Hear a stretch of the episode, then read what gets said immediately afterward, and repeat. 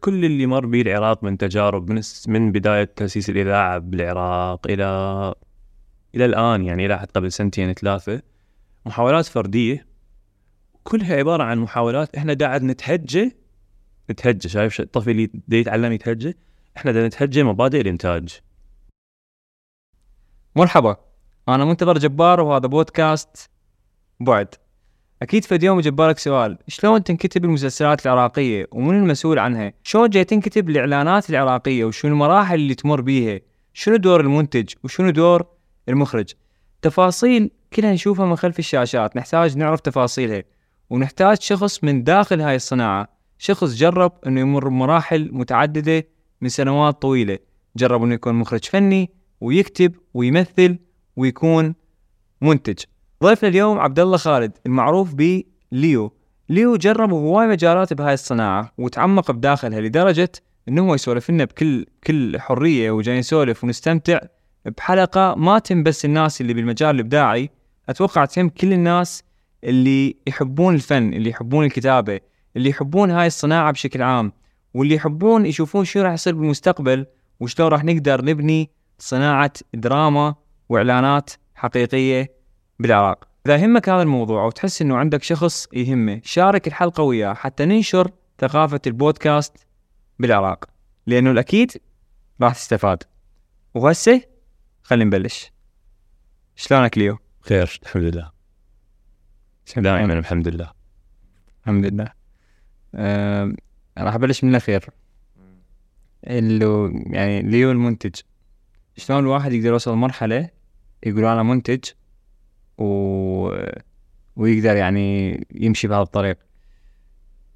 يعني شنو ال level اللي توصل له وتقول أنا أوكي أنا منتج. أشوف أنا ما اختاريت أكون منتج. يعني يعني ما أنا يجي يوم قررت إني أقول اني خلاص اكتفيت من تجارب إنه أنزل أزياء أنزل art direction أنزل creative director أنزل مخرج. فاني حاليا أريد أصير منتج. لا مو هذا اللي صار. اللي صار إنه آه نهاية ال 21 آه اتصلت بيا شركة معينة رادوا من عندي أن أنتج إعلان لهم. ما قلت لا. ما عرفت أقول لا. فأخذت على عاتقي إنه أسوي أخذ brief من عندهم و وأسوي لهم visual key file فد هيجي لمحات بصرية عن الإعلان اللي هم رايديه فشي بسيط. اجى عليه approve بعدين سويت treatment اجى approve على ال treatment ما كنت أفهم إنه لازم المخرج يسوي ال treatment ما أدري. سويت treatment أنا عشان لازم آخذ approve باسرع وقت ممكن من آه، استعنت بأحد الأصدقاء اللي أنا عندي بي, بي ثقة كلش عالية. أه لأن أنا عندي تجارب وياه بالجامعة وخارج الجامعة. أه ما نازل وياه مسبقا كممثل أو ك art direction بس هو عنده تجارب بالجامعة إنه أخذ الفيلم أخذ الأول على الكلية بسنة التخرج اللي 2018 أنا يعني تخرجنا نفس الدفعة أنا قسم تصميم وقسم سينما. وما عدا هو مدير إنتاج يعني من أقوى مدراء الإنتاج بالعراق أو بغداد. قلت له أكو هيجي فكرة إنه أكو production واحتاج مخرج. قال لي يلا okay. أه عادة عدة تجارب ثلاث أربع تجارب أفلام قصيرة. لما يجي إعلان إعلان بسيط مو إعلان معقد راح على قولتنا كرز بيه. فهو حرفيا كرز بالإعلان يعني. راد من عندي مساعد مخرج طلب من عندي و يعني طلب من عندي composition موجودين بالسوق عندنا ثقة بيهم أصدقائنا ومشتغل وياهم مسبقا اختاريتهم تواصلت وياهم تفاوضت على الأسعار أه استعنيت بأحد الشباب اللي هم كانوا يشتغلون وياي بال art direction. اللي هو ال first assistant مالتي. واللي مسبقا أني أه يعني أقول لي الفخر إنه أني تعاونت وياه على أن أصنع من عنده مدير إنتاج يعني تمام؟ آه، جنوب طالب. أفضل مدراء إنتاج ببغداد حاليا. آه، أنت يعني ساعدني ب آه، إنه يكون مدير إنتاج بفتره كورونا لمسلسل قصص لجابر. كان من إنتاج فوركاست لما شلت أنا مصطفى الكرخي على شراكة في شركة فوركاست واختاريناه انه يكون هو مدير إنتاجنا. فصار عندي تجربه وراها وراء هذا المسلسل ويا جنوب إلى أن اجى هذا الإعلان اللي صرت به يعني يعني قدرت أحقق كلمة منتج. يعني كان اكو تكامل بالسيت مع العلم كان التي في سي بسيط هو. لكن الشركة مو بسيطة هي إحدى شركات الاتصالات. والشخصية اللي كانوا آه، آه، مخليها وجه اعلامي لهم. آه، كانت شخصية جدا مشهورة. والحمد لله تم الإعلان على يعني على أتم وجه من ناحية إخراج و يعني ال stylist كان متمكن ال art direction كان كلش wow. و يعني الشخص ال influencer كان جدا فرحان بال set وال client هذا أهم شيء طبعا ال client يكون هو يكون كلش سعيد بالتجربة وياي. وبعدين ال edit. أنا بالنسبة لي أنا ك producer إلى الآن أنا ما مؤمن إنه أستعين بخبرة خارج العراق من خارج العراق. يعني ما ما ما فد يوم أريد أجيب مخرج أجنبي ولا أريد أجيب DOP أجنبي ولا أريد أسوي color grading خارج العراق. لأن أنا مؤمن بشغلة انه إنه يعني لازم أكو شخص يجي ياخذ على عاتقه ال risk ويسوي كل شيء داخل بغداد أو داخل العراق. لأن إذا أنا ما امنت بهذا ال colorist وطيته قطعة ورا قطعة ورا قطعة يلونها إيش وقت راح يتدرب؟ إيش وقت راح ياخذ الشغل على محمل الجد؟ أنت إيش قد ما راح تاخذ training على اليوتيوب أو أو courses online أو what وين مكان الكورس راح تبقى ب level المتدرب بس لما يجيك منتج يطلب من عندك تلون هاي القطعة بطريقة احترافية ما تتحمل الخطأ ولازم تستلم المادة خلال ثلاث أو أربع أسبوع ثلاث أربع أيام أو أسبوع أنت لازم تكمل ف... فانت هذا مثلا المونتير لما تعطيه هاي هاي القطعة راح تعطيه ثقة إنه هو مسؤولية كبيرة. أي نعم. فصارت أول تجربة يعني صراحة ما حسيت بأي عبء يعني ما حسيت بأي عبء كوني منتج. يعني الأشياء مشت بسلاسة كل الفريق كان متعاون وياي والكل استلم أجره حاله حال كانما نازل ويا أي شركة إنتاج رصينة أو أو تعطي اجور زينة. فمشى ال order بطريقة كلش سلسة ومرتبة. وكل شيء تم على خير. ونفس الشركة رجعت لي ورا شهر. أنتجت وياي TVC ثانية أو شهرين يمكن. وصار الموضوع عندي عادي. إنه أنتج. لما يخابرني شخص شركة client what أنتج عادي ما أقول لا. وبنفس الوقت أني ما قاطع ويا السوق. أني أني باقي art director ويا كل الشركات اللي بالعراق. يعني سواء كان يعني أنا يمكن بس بالبصرة ما حد داز علي يعني ولو أكو إنتاجات بالبصرة بشكل كلش كبير تتسوى أه كان جيت للبصرة. أنا ما عندي مشكلة. بالعكس راح يفرحني هذا الشيء وعلى أغلب الشركات اللي بالبصرة اللي أنا متعاون وياهم مسبقا مرتين أو ثلاث مرات أنتجوا ببغداد. يعني أنا نزلت art director ويا شركات بالبصرة مال الانتاج أه كان هم يجون ينتجون ببغداد. ف يعني ما أعرف ليش يمكن معدات يمكن مدراء تصوير هناك وفرق وأكثر مخرجين يعني. فارجع للقرار لما ما قلت لا للإنتاج. مم. كونك منتج. حاله حال أي شغلة سويتها بحياتي مم. ما قلت لا. فهل هذا الشيء فرق لك هواي انه إنه زين ما قلت لا بوقتها؟ ما راح تقول لا أنا ما أعرف أقول لا. يعني أنا بيوم اللي كنت طالب في في ثالث متوسط ونجحت ما كنت أعرف تخيل أنا كنت في في إعدادية متميزين ما كنت أعرف أكو علمي وأدبي وأكو فنون جميلة وأكو صناعة تخيل؟ قافل يعني. فلما آه، ابن خالي قال لي حتروح علمي لو أدبي يعني صار عندي فت صدمة شنو؟ ما عندي فرق شنو شنو شنو علمي شنو أدبي؟ أنا مدرستي بيها بس علمي. فرحت على والدتي قلت لها عبد الله أبن خالي يقول لي حتروح علمي لو أدبي. والدتي ما كانت متوقعات اساله هذا السؤال. يعني هي كل اللي مستعدت له إنه خلص أنا أكمل ست سنوات في إعدادية متميزين. إعدادية المتميزين بس بيها علمي بس بيها الفرع العلمي. طبعا ما أعرف ليش هذا السؤال يعني كلش كل شيء غريب. يعني أنا كوني شخص ذكي وشاطر بالإعدادية أو بالمراحل الابتدائية من من الدراسة يعني الذكي لازم يروح علمي. ما يصير يروح أدبي أو ما يصير ما يصير ذكي يروح اعداديه صناعة. ما يصير شخص ذكي و IQ مالته عالي يروح يروح آه، معهد فنون أو إعدادية فنون. فد نظام تعليمي غريب ما ما بي rules يعني. ال rules ظالمه أعتبرهن بالعراق. امم إي. ف ف ما قدرت أقول لا للعلمي خلاص هاي إذا كان العلمي هو أحسن شيء فخلاص أنا رايح أروح علمي تمام؟ فهيجي اختيار آه، فتت فتت. إيه أنا بالنسبة لي كل اختياراتي اللي أسويها يعني ما أقول لك أني هذا الشخص اللي أسوي يعني آخذ على عاتقي أسوي شغلة على مود أتحدى أو على مود لا خلاص أسويها وأسويها بطريقة كلش زينة بالاحترافية. وبس هاي. المهم إنه آه، أرضي نفسي. شايف واحد يعني اليوم أنا أتعلم نجارة. تعلمت النجارة كملت من تعلم النجارة سويت قطعة كلش حلوة من عن طريق هذا الشيء اللي تعلمته. خلاص هاي اكتفيت. الشيء الوحيد اللي اللي مدى أكتفي من عنده هو حبي للفن. إنه والدليل إنه أني آه، بالبداية أنا دخلت يعني دخلت العالم ال production كممثل يعني ممثل في فيلم قصير يعني كتجربة ويا صديقي كنت بالكليه آه، ما كان أكو makeup artist بال بال بالفيلم. كان لازم أقوي ملامحي يعني رحت جبت قلم مال كحله وقويت حواجبي وقويت كان عمري 24 سنة هيجي 23 سنة ما أدري.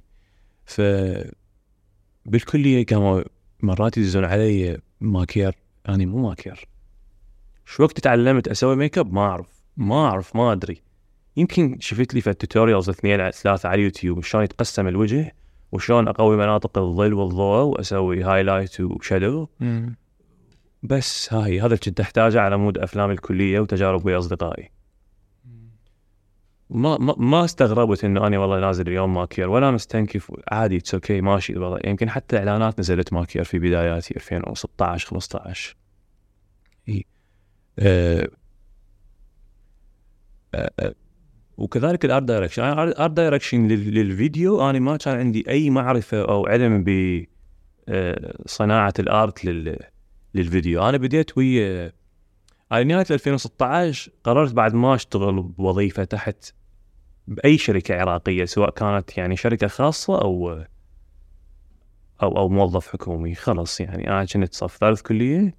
قررت بعد ما اشتغل. أنا مسبقا مشتغل كل شوية من عمري 17 سنة مشتغل بمؤسسات. أه ما عندي مشكلة حاليا ما عندي مشكلة أشتغل تحت مدير رصين وعنده هدف ورؤية. بس مستحيل راح أشتغل بمؤسسة أو تحت مدير آه، يتسم بالغباء. مستحيل. مستحيل. يعني راح أضيع عمري ورا. هاي كارثة. طبعا هذا ال- الأمر يعني ما لازم الكل يعتقد إن هذا الصح. هذا فد شيء أنا أخذته على عاتقي طبعا. هذا أمر كلفني الكثير طبعا يعني. لما أنت تقرر بعد ما تشتغل جوا ايد أحد لا محل لا شركة لا طبعا الفضل اللي يعود لاهلي أهلي وقفوا بظهري طول العمر طول الوقت أقصد يعني. اي وأخوي محمد أيضا واقف وياي بظهري والكثير من الأصدقاء يعني يمكن هي تكون مو مساعدة ماديه لأن كنت كل الوقت أشتغل. أنت من تقرر ما تشتغل تحت آه، مظلة مؤسسة معينة راح راح تفتهم يوم بعد يوم إنه أنت بعد ما عندك income لازم تشتغل. ولازم تجرب وتاخذ risk تشتغل هواية على مود تحصل القليل. يعني أنت طالب بنفس الوقت. فلما قررت ما ما أصير موظف بمكان معين آه، جاءت فكرة إنه كانت آه، نهاية ال 16 على 17 كان أكو مؤتمر بهانس أكثر شغلة انقالت بالمؤتمر ما عندنا بالعراق product photography ماكو. وبالفعل ما كان أكو ذاك ال- ال quality العالي. ف تبلورت الفكرة يوم بعد يوم وأنا كنت ألتقي بعدة أصدقاء مصممين. أنا كنت مسبقا graphic designer ما أقول لك كنت graphic designer على مستوى ال senior بس كنت آه، ولا كنت junior عبرت ال junior يعني. ويمكن في وقتها 2016 17 يمكن كنت على مستوى يعني زين بس. مستحيل راح الحق مصممين الجرافيك الحاليا الموجودين بالسوق. الخبرات اللي صارت آه، تطلعات طريقة ربط الاشياء بس مثلا عندي معرفة كلش عالية بالألوان بالتكوينات بال fonts وإلى آخره.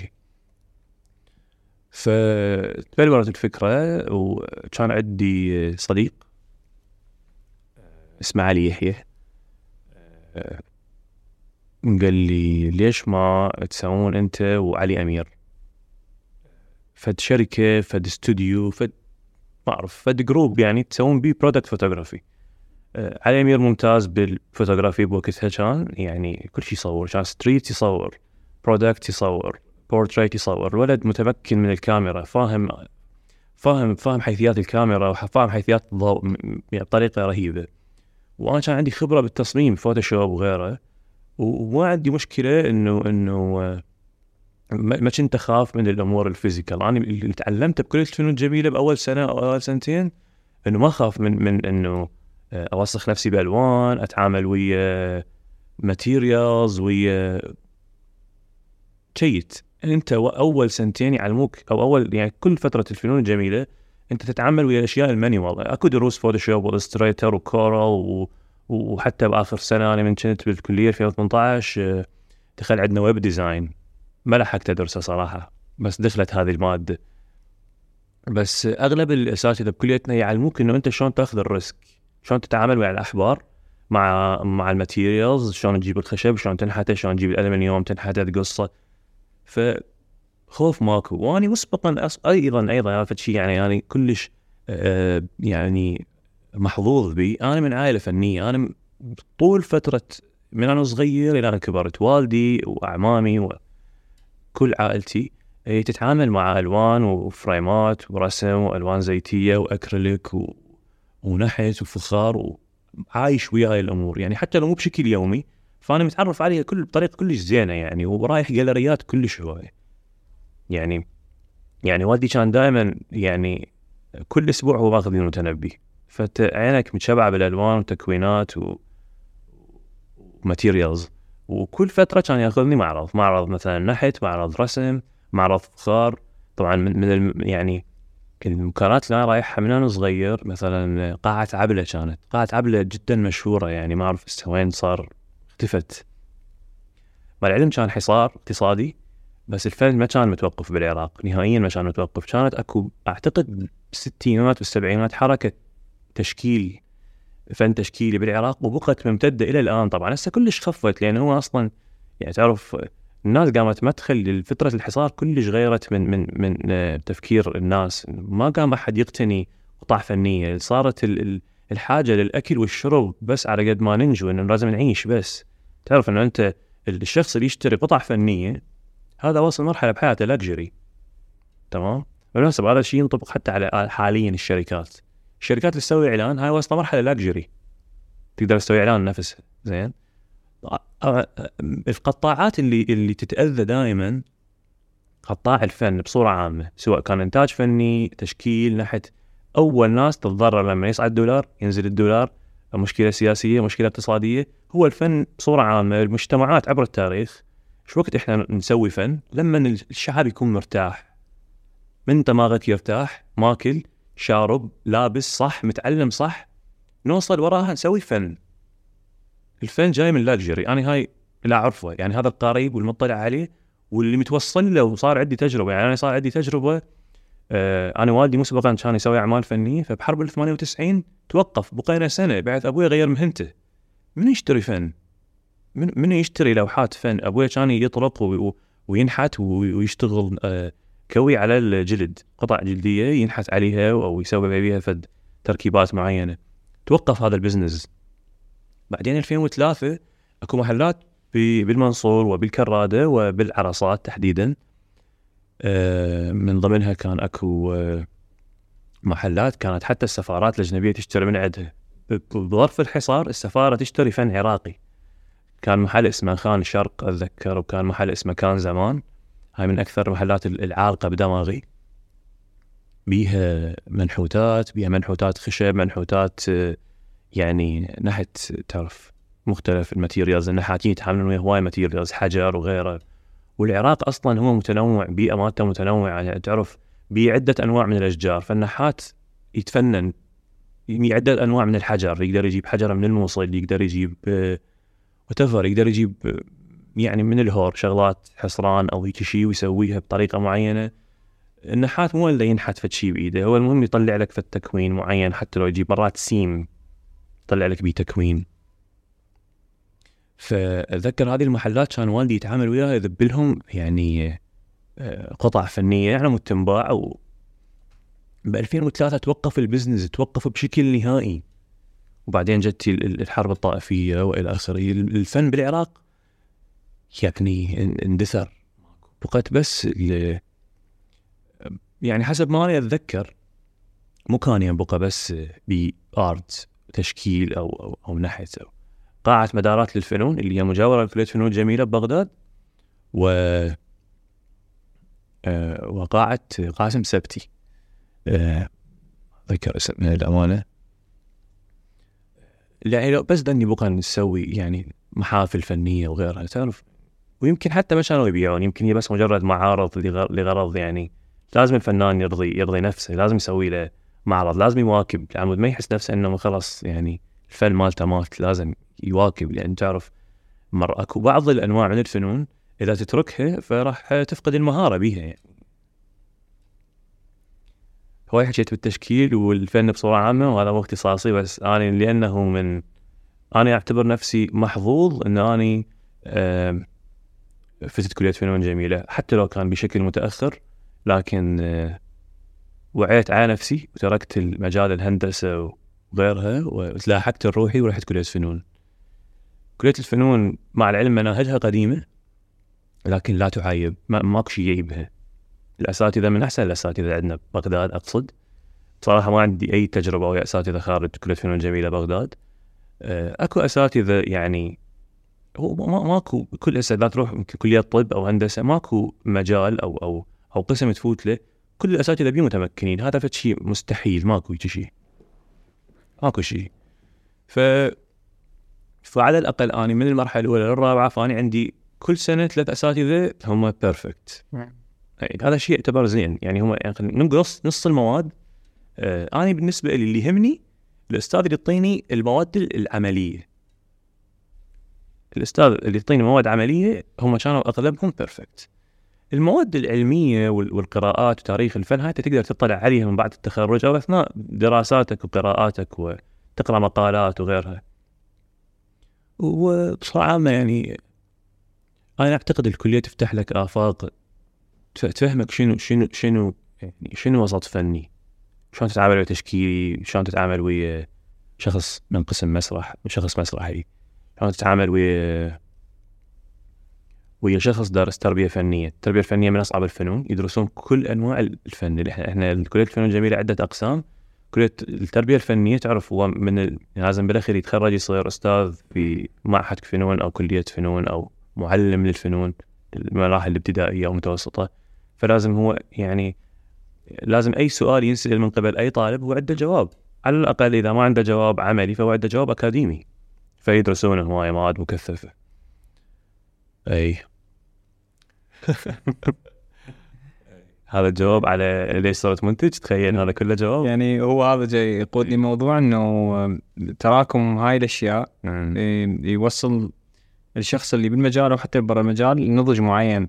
اي فهم تغيرت مفاهيمك عن الأشياء؟ مثلا أنت قبل كنت تشوف المنتج بطريقه معينة هسه تغير مفهومك لل- للمنتج أو للمدير الفني أو للمخرج؟ شلون كان الفرق بين 2012 2013 2014 وبين هسه؟ آه. أنا لحد 2015 آه. ما أعرف شنو منتج ما أعرف شنو DOP ما أعرف شنو مخرج إعلانات ما, ما أدري ما أعرف كل اللي أدري بيه أكو designs أكو poster design أكو graphic design والإعلانات هي عبارة عن graphic design أشوف إعلانات فيديو أشوف إعلانات يعني أشوف إعلان وانعجب بيه بس ما أقدر أتخيل أو, أو دماغي ما رابط الوضعية بالطريقة اللي هذا الإعلان اللي هو TVC فيديو مطلعين من عنده stills مشتغلين عليه مسويين posters ما ما كانت تخطر على بالي. أنا كنت بعيد عن ال production بصوره عامة. أنا كل شيء كان كل اللي يهمني Illustrator Photoshop وأحجام الأوراق وأحجام المطبوعات وال billboards هذا هذا كله أفكر بيه يعني. و بس. وشلون أسوي لابتوبي أحسن لابتوب بالعالم. أنا ما أقدر أشتغل عليها بدون ما يقطع ال Photoshop أنا أعتقد يعني أنا أعتبر نفسي محظوظ إنه أنا من جيل 91 أو أنا مريت بمرحلتين يعني تعرف إحنا من جيل ال Nintendo والأتاري وال... والصخر اللي هو الكمبيوتر الصخر إلى Windows 97 98 Millennium XP Windows 7 Vista Windows هوايه مريت بمراحل. يعني كل كل نظام ينزل زين أنت تتعرف على ألوان جديدة طرق استخدام جديدة. هذا أحكي عن عن شخصيتي القديمة اللي أنا كنت كل هدفي بالحياة أصير IT. بعدين اللي فهمت أنا ما بدي أصير IT. أنا كل اللي دا أسويه أنا أنا حاب أصير IT على مود آه، أشغل ال- الحاسبة أو الكمبيوتر على مود أخلي لها برنامج بي اما game معينه بيها ألوان حلوة أشوف بيها تكوينات أو أشغل عليها برامج تلعب بالصورة. أنا يعني بعدين اكتشفت إنه اني دا أتعلم أصير IT على مود أشغل برامج مال التصميم أو مونتاج. ما كنت افرق ما بين ال Photoshop وال Film Maker. يعني هو عندي بكليتهن يعني عبارة عن برامج تتعلم لهن. ذكر من قلت لك إنه أنا خلاص من, من جتني مكالمة أريدك تنتج لنا TVC أنا خلاص أخذت ال risk. فهذا برنامج هو حلو هذا يلا خليني اتعلم له. وبس. بالمناسبة قبل ما كنا نتعلم عن طريق ال- اليوتيوب كنت أشتري سيديات مال تعليم. يعني أروح نشتري سي دي بشخص مصري يحكي أو على الأغلب هو مصري يعني. يعني لا أكو بالإنجليزي بس إذا تريد بالعربي فأنت راح راح تشتري سي دي بشخص مصري. السلام عليكم ورحمة الله. لازم يصلي على النبي. ما أعرف ليش المصري يعني قبل ما يعلمك أي شيء. زين. أو آه، شو اسمه انطر كذا أضغط بسم الله على مود نبدأ. فشغلات غريبة كانت هاي. سياسات عندهم اي اي تعرف شايف على مود يعني يعتقد هو يعتقدون هذا على مود ينباع أكثر يصير بيبارك ممكن. ما أعرف. ما من ناسيه بس هم ناقضين الدنيا يعني. اي بصراحة يعني. أول ناس يبادرون. و- ورا المصريين دخلت علينا يعني موجة كبيرة من السيديات السوريين. مم. اي السوريين هواي هواي كانوا مبارعين بالبرامج التصميم وبرامج. أعتقد لأن جهتين عندهم صناعة كان يعني السوريين عندهم س- أنا أعتقد شوف أعتقد الفترة اللي هي من 2006 إلى 2010 يمكن أو 2012 آه، اللي هي فترة باب الحارة والمسلسلات السورية. جتي فترة ال ال ال الدراما السورية وال production بسوريا غلب حتى مصر يعني. انتعش. غلب مصر وغلب آه، دبي وغلب آه، لبنان. كلش انتعش. أي. والسوريين يعني يعني عندهم خبرات عالية يعني. مخرجين ممتازين مساعد مخرجين ممتازين يعني أهل راكور أهل ملابس آه، حلوين. حلوين السوريين كلش حلو خاصه بالدراما الاجتماعية والتاريخية رهيبين يعني. بصورة عامة الشعب السوري مثقف هواي يقرا أعتقد. أعتقد اي إيه هو هل ال- ال- السينما وال- والدراما هي انعكاس للشعوب لو العكس. إحنا لكن كنا نتناقش بالموضوع إنه مثلا هسه اذا أسوي سينما حقيقية بالعراق. هل أنا أثقف الشعب حتى أسوي سينما؟ لو أنا أسوي سينما حتثقف الشعب. ف- فهي هي انعكاس يعني إذا الشعب كان دائما يقرأ دائما عنده آراء. فيريد يطلعها للناس. فيسويها مسلسلات يسويها أفلام. فأنا أقدر أرجع هسه الحقبة اللي جاي يمر بها العراق بال بالدراما بالإعلانات. هسه جاي نشوف أكو يعني okay بالإعلانات أكو إعلانات جاي تطلع. إعلانات زينة بيها production كذا أكو مسلسلات أكو كذا. شنو جاي يصير؟ يعني إحنا بيا هسه المشهد الفني وال... إحنا بيا مرحلة. إحنا بيا مرحلة. بما إنه أني آه، جديد على الوسط الفني اعتبر نفسي. جديد وليس دخيل أنا مو دخيل أنا جديد بس. آه، أنا أعتقد كل اللي مر به العراق من تجارب من من بداية تأسيس الإذاعة بالعراق إلى إلى الآن يعني إلى حد قبل سنتين ثلاثة محاولات فردية. كلها عبارة عن محاولات إحنا قاعد نتهجى نتهجى شايف الطفل اللي يتعلم يتهجى؟ إحنا دا نتهجى مبادئ الإنتاج. دا نتهجى مبادئ الإنتاج حرفيا. والمخرج اللي دا يسوي آه، المخرج أو المنتج آه، أو الجهة المنتجة اللي دا تسوي أعمال آه، دا تطلع بطريقة wow أو تنافس أو تنشاف عربيا فهاي تجارب فردية تلقى هذا الإنتاج آه، انصرف عليه مبالغ طائلة ممكن أو المنتج صرف من جيبه. كلش هواية فلوس ووظف هواية موارد على عاتقه الشخصي وتعب. على مود يطلع هذه القطعة. ف وحتى المخرجين. المخرجين عندنا مخرجين ببغداد. أنا دا احكي بصورة عامة سواء كان دراما أو سينما أو أو مم. إعلانات. طبعا السينما عندنا قطاع كلش خاص ما أقدر هواية أحكي بيه لأنه أصلا في تجارب فردية وبسيطة جدا. والأفلام القصيرة هي هي أفلام قصيرة لاجل التجربة يعني. مم. أنا اشارك مهرجانات وبعدين من يشارك الفيلم القصير مهرجان. الله يوفقه. الله يوفقه وممكن يجي يجي جهة مستثمرة أو يجي منتج ينتج له فيلم طويل. يعني شوفوا هذا مخرج أخرج فيلم قصير بكفاءة عالية فممكن نسوي وراها فيلم طويل. هذا الهدف من الأفلام القصيرة يعني ما أعرف. أكو أفلام قصيرة من أجل أفلام قصيرة مهرجان أفلام قصيرة لكن الغاية الأسمى إنه أنت تسوي فيلم قصير نموذج للقصة الطويلة. حرفيا. إحنا عندنا عندنا مخرج عراقي آه، سهيم عمر سوى فيلم قصير ميسي بغداد. وقبل سنتين آه، 2021 أنتج فيلم آه، ميسي بغداد القصة الطويله الفيلم الروايه الطويل تجربة ناجحة تجربة حلوة. مم. الفيلم القصير بنفس الاسم عادة مم. لكن هل بنفس الكادر؟ صراحة ما أعرف ما مطلع. ما عندي طلع انتظر ينزل هذا الفيلم صراحة. مثل وبلاش وغيره. وبلاش كان فيلم قصير. ريوي ما أدري. كان فيلم قصير هو أصلا. إي. ثمان دقائق أو هيك شيء. بس هو هو القصة مالته طويلة. هو ما يقدر ينتجها فيسوي فيلم قصير. 100% فيلم قصير اي 100% اكو طريقه ثانية لما أنت خلاص يعني أنت اكتفيت من الأفلام ال- القصيرة. آه، أكو شيء اسمه pilot نسوي نسوي. إنه أنت تصور مشاهد معينة من فيلمك الطويل. حتى لو بغير مدير تصوير بغير ممثلين مجرد إنه آه، تعطي آه، معالم القصة. يعني تنتج لك ثلاث دقائق من هذه القصة كأنما trailer للفيلم. زين؟ وتروح تقنع جهات منتجة أو مانحة على مود يعطوك آه، فلوس أو منح أو ممكن مرات المنحة ما تكون فلوس ما تكون كاش المنحة تكون مدير تصوير أجنبي أو المنحة تكون ممثل نجم عالمي يعطوك إياه بالفيلم مالتك. أو المنحة تكون أبو صوت أو المنحة تكون art director على مود أني ما أخليك انت ها- ها- هاي سياسات الجهات المانحة طبعا بالعادة. على مود ما أنت تروح تسوي آه، فساد مالي وإداري وتتصرف بالفلوس بمكانات معينة وأنت توقع الفنيين على عقود بأرقام معينة لكن أنت بالحقيقة تعطيهم. معطيهم فلوس قليلة أو ما معطيهم أي شيء تنزله بصفة متدرب.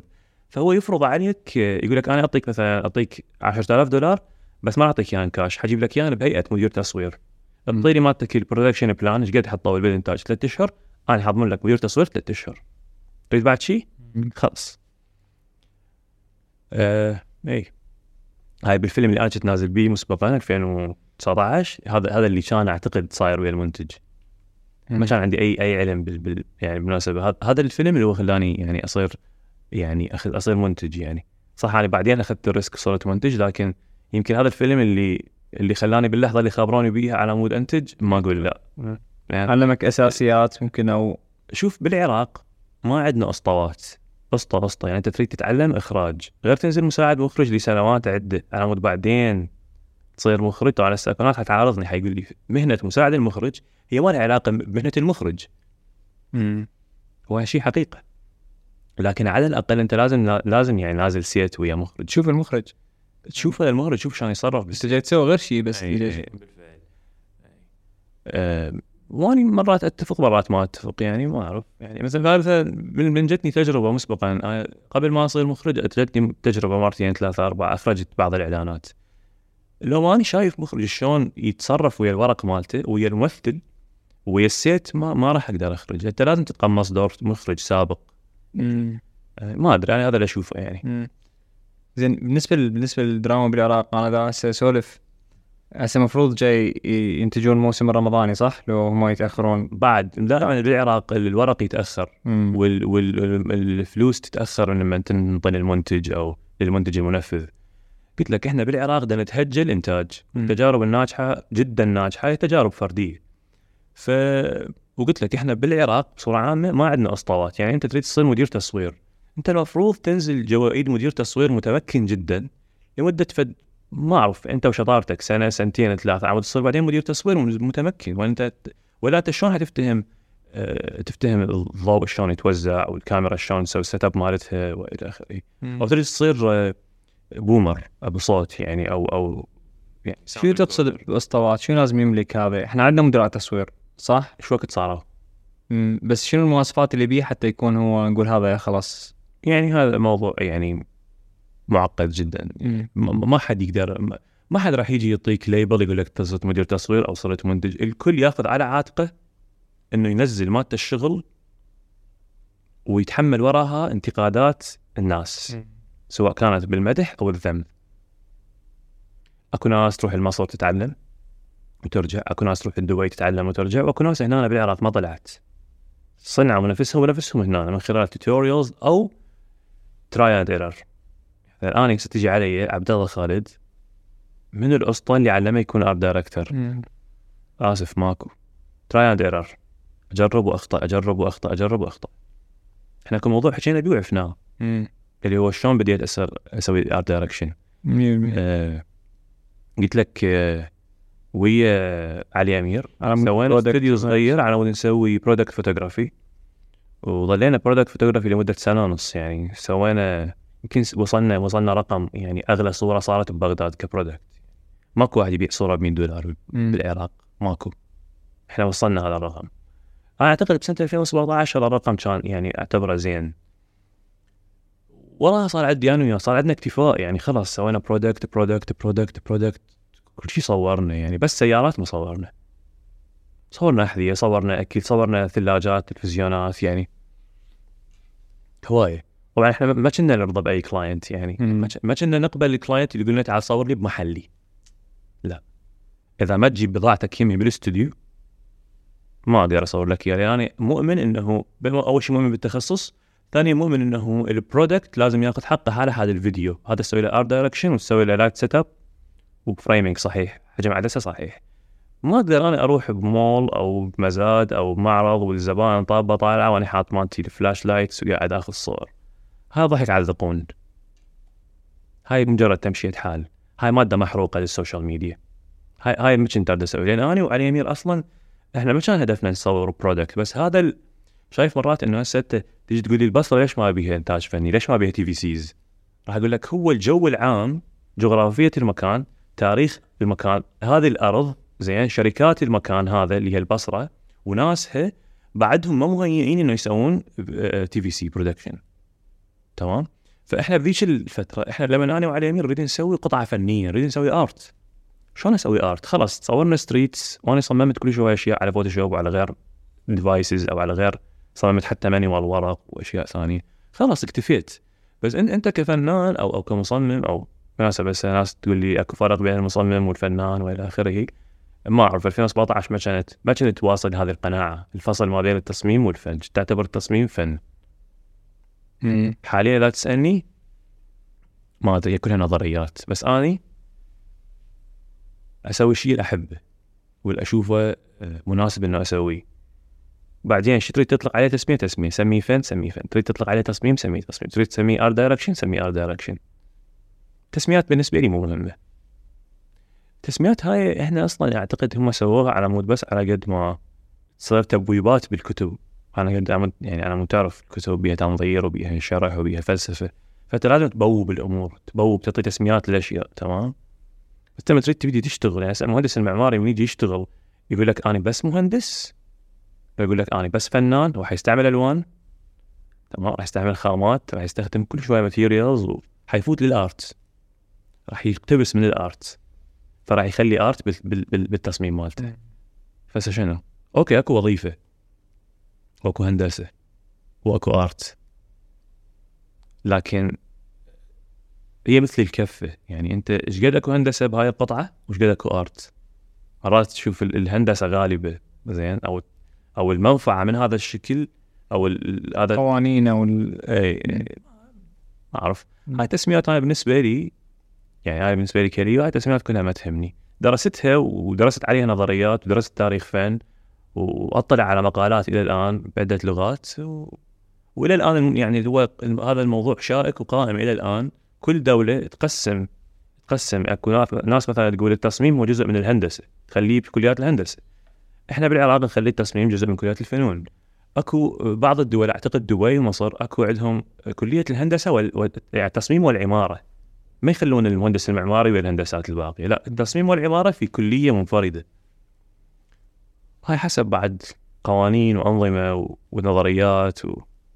إي فقلت لك إنه أنا وعلي أمير ردنا نسوي آه، فن أعتقد يعني هذا اللي بيه. هذا اللي يمكن يعني كنا ردنا نسوي آرت بأي طريقة بس ما ردنا نسويه ببلاش يعني إحنا نحتاج يعني كل شاب بالحياة هو يحتاج مادة يعني لازم يعيش ولازم يطور أجهزته ولازم ياخذ tutorials ولازم يروح ويجي ويلتقي و... فال art اللي يجيب فلوس بذيك الفترة اللي قدرنا نسويه هو ال product photography لأن كان حاجة السوق تفرض عليك نوعية الفن أو التصميم أو ال production اللي تسويه must هسه تجي تقول لي إحنا ليش ما نسوي ليش ما نسوي أفلام مثل هوليوود؟ أقول لك هو إحنا أصلا عندنا السينمات بقد أمريكا. ليش؟ إحنا عندنا سحب على أفلام العراقية. تعود اني أجي آخذ ال risk وأنتج فيلم عراقي.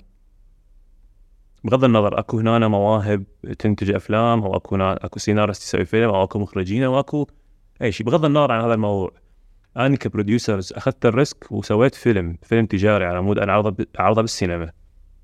منو قال السينما راح تاخذ من عندي هذا الفيلم؟ شنو الضمانات؟ ما ما أعتقد أكو أي ضمانات. إي لأن بالتالي الناس اللي تشوف السينما اللي تروح سينما متعودة على السينما الامريكيه هوليوود يعني ونادر ما تلقى لك فيلم آه، جاي من سينما أوروبية نادر يعني نادر هذا الشيء. إي. ولا ياباني ولا لا ماكو كوري قليل، ولا إيراني. لا ما عندنا. بالعراق هيك شيء. إحنا ما إحنا ما قاعدين في فرنسا. فرنسا اكو انفتاح كلش عالي يمكن حتى سينمات تعرض أفلام إيرانية كلش. عالي إي. وتعرف يعني ماكو ماكو أوجه مقارنة. أكو أكو شوف يعني إحنا ما نقدر نقارن ال production بالعراق زين أو بصورة عامة بال Middle East إحنا. إحنا قلت لك حاجة السوق هي تفرض نوع ال production بالعراق زين.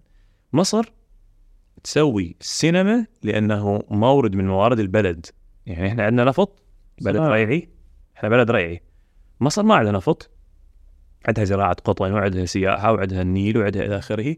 وحدة من موارد مصر الأساسية هي السينما. فلما يتحول الإنتاج الفني بالعراق إلى مصدر دخل مصدر دخل قومي يعني يعني الدولة معتمدة عليه. مصدر دخل قومي يعني أكو مؤسسات عملاقة معتمدة على بيع السينما. إحنا نبيع صورة ونبيع تمثيل ونبيع قصة. نبيع قصة. نبيع حتوتة. هاي الحتوتة مو كتاب ولا رواية ولا قصة قصيرة فيلم. ساعة ونص ساعتين ثلاث ساعات وتفر العراق ك كديموغرافية أو كناس ككوميونتي مليان قصص. مليان قصص. إحنا هوايه يعني قاعنا هوايه بيها تقلبات صارت.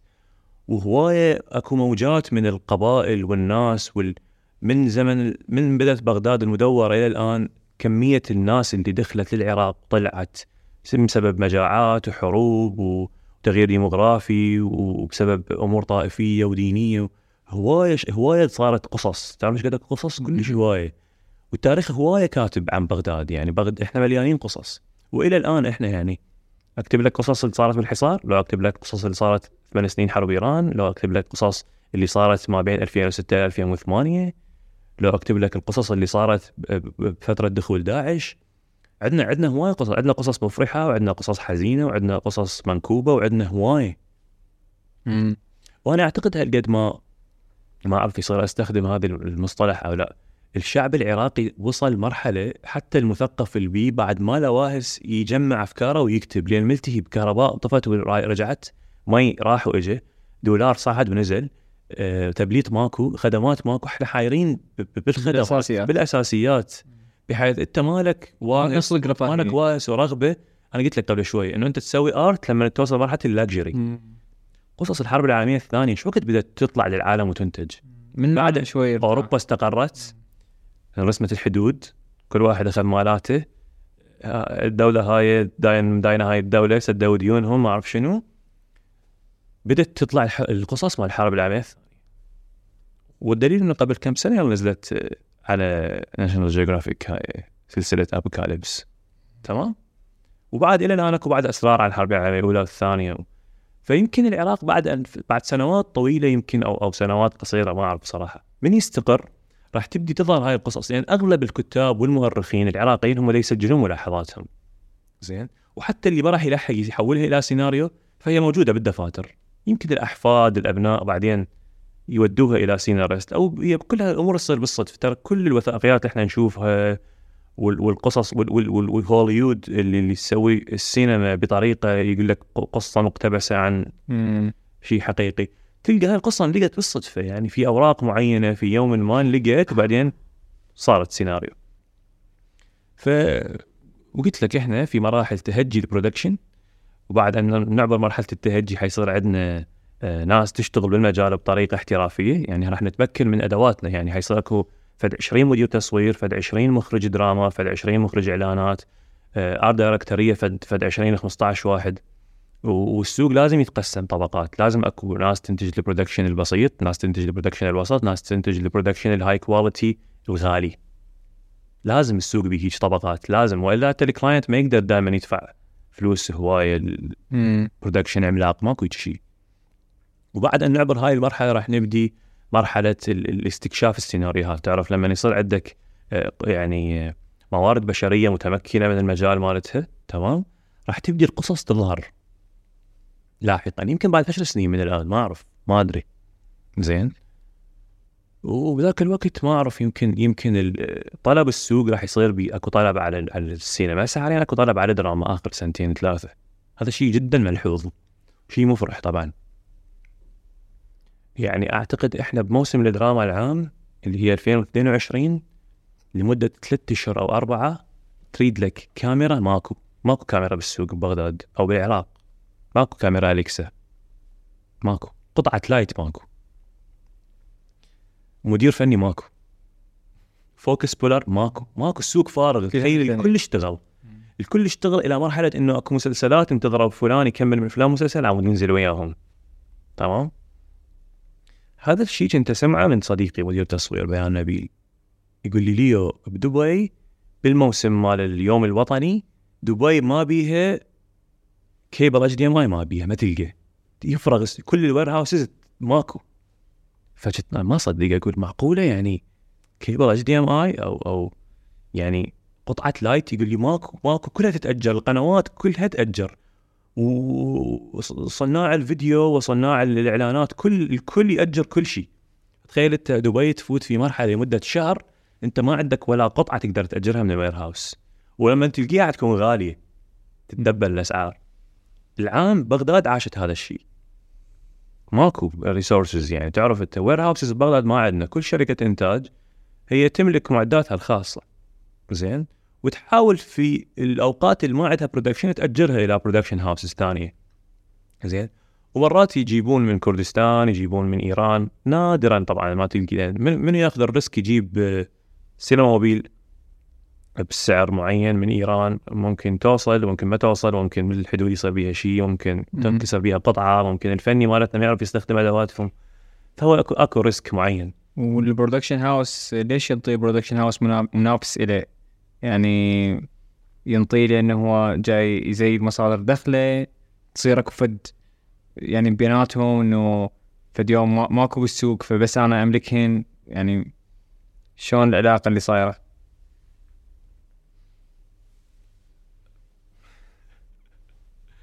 راح احكي لك فد فد فد يعني حقيقة حقيقة معينة بالعراق أو أو بغداد خلينا نقول. على ود ما أظلم كل شركات الإنتاج بالعراق. بالعراق ما عندنا warehouse. يعني ما عندنا الشركة تأجر معدات. هي فاتحه بس تأجر معدات. إحنا عندنا مخازن شركات إنتاج. زين؟ طبعا اللي يقول لك أني عندي warehouse منفصل على production house مالتي وأجر وعادي هذا كذاب. يعني بصراحة هاي منافسة أكو ببغداد منافسة كلش عالية. يعني لما أني أشوف إنه أنت قاعد تنتج quality عالي بمعداتي راح أوقف. لو أدبر لك السعر أو ما أجر لك أصلا. بالوجه ما أجر لك. طق بطق. كلش عادي. هذا الأمر راح ينحل من ناسنا طبعا يعني. شوف العراق بيه كل شوية فلوس بيه كل شوية investorية مجرد راح ال investors يفتهمون إنه لازم أكو حاجة بالسوق لشيء اسمه warehouse أو بلاتو أو استوديو راح شوف العراقيين أهل موده يحبون يحبون المودة يحبون الطشة. عادي سنة خمسة فجأة. كلش عادي على غفله تصير فد أكو فد 10 warehouse وأكو فد 20 بلاتو ببغداد. راح تصير الأشياء ارخص من المي. مسألة وقت هيج. على غفله يجوز السنة الجاية. يجوز الموسم الجاي ماكو ماكو أي مشكلة. راح تبقى المشكلة عندنا بالموارد البشرية. منو المنتج أو شركة الإنتاج اللي تحمل على عاتقها تدريب هذه الموارد؟ واصلا مو أي منتج يقدر يصنع مخرج ولا أي منتج يقدر يصنع أبو صوت محترف ولا أي منتج يقدر يصنع اديتر محترف. الموضوع يحتاج له خبرة وصبر وتحمل هي تربية بالضبط. شلون تصنع الكفاءات؟ يعني مخرج ممثل مخرج فني. ما أعرف المخرج ينصنع أو ما ينصنع ما أعرف ما عندي تجربة بهذا المجال. أغلب الم- الممثلين هم يعني آه، تجارب فردية ناجحة يعني يعني اجتهادات شخصية. ما في يوم سمعت مخرج عراقي آه، قدر يقود ممثل إلى منطقة معينة ويطلع من عنده أداء آه، رهيب يعني نادر تجارب بسيطة وبعض المشاهد. يعني تلقى بعض المشاهد المخرج مسيطر على الممثل ومشاهد ثانية فارت الممثل هذا لك بالدراما فإذا يختلف. اي كل شوي تصير طفرات يعني. كلش طبيعي عادي. ما تبين. بال- بالدراما تضيع لك هواي اشياء الدراما تضيع لك راكور الدراما تضيع لك أخطاء لغوية أخطاء بالصوت ما تبين. تعرف حلقات طويلة و... أنا باعتقادي إنه مو أي شركة إنتاج لازم تدخل دراما الدراما يحتاج لها باع طويل وقدرات تحمل عالية قدرات تحمل جسدية وفكرية و... تعرف. أنت تحافظ على على يعني على يعني طريقة تعاملك ويا سيد كامل لمدة أربعة أشهر ثلاثة أشهر تتعامل وياه بنفس الطريقة يوميا تقول لهم صباح الخير نفس الخلق يوميا تحترمهم يوميا يحترموك يوميا نفس الخلق وقاعدين يصورون باليوم من 10 إلى 15 إلى 12 أكو مخرجين يصورون باليوم 20 مشهد مم. حسب أنت و يعني فعلى طاري الدراما أنا أكثر هذا بالمناسبة يعني هذا المخرج اللي يصور باليوم 20 مشهد يعني قد خباز هذا المخرج. ليترلي والله أتذكر مرة يعني العام كان صارت بينا إنه الاستاذ محمد دراجي دا يصور فيلمه.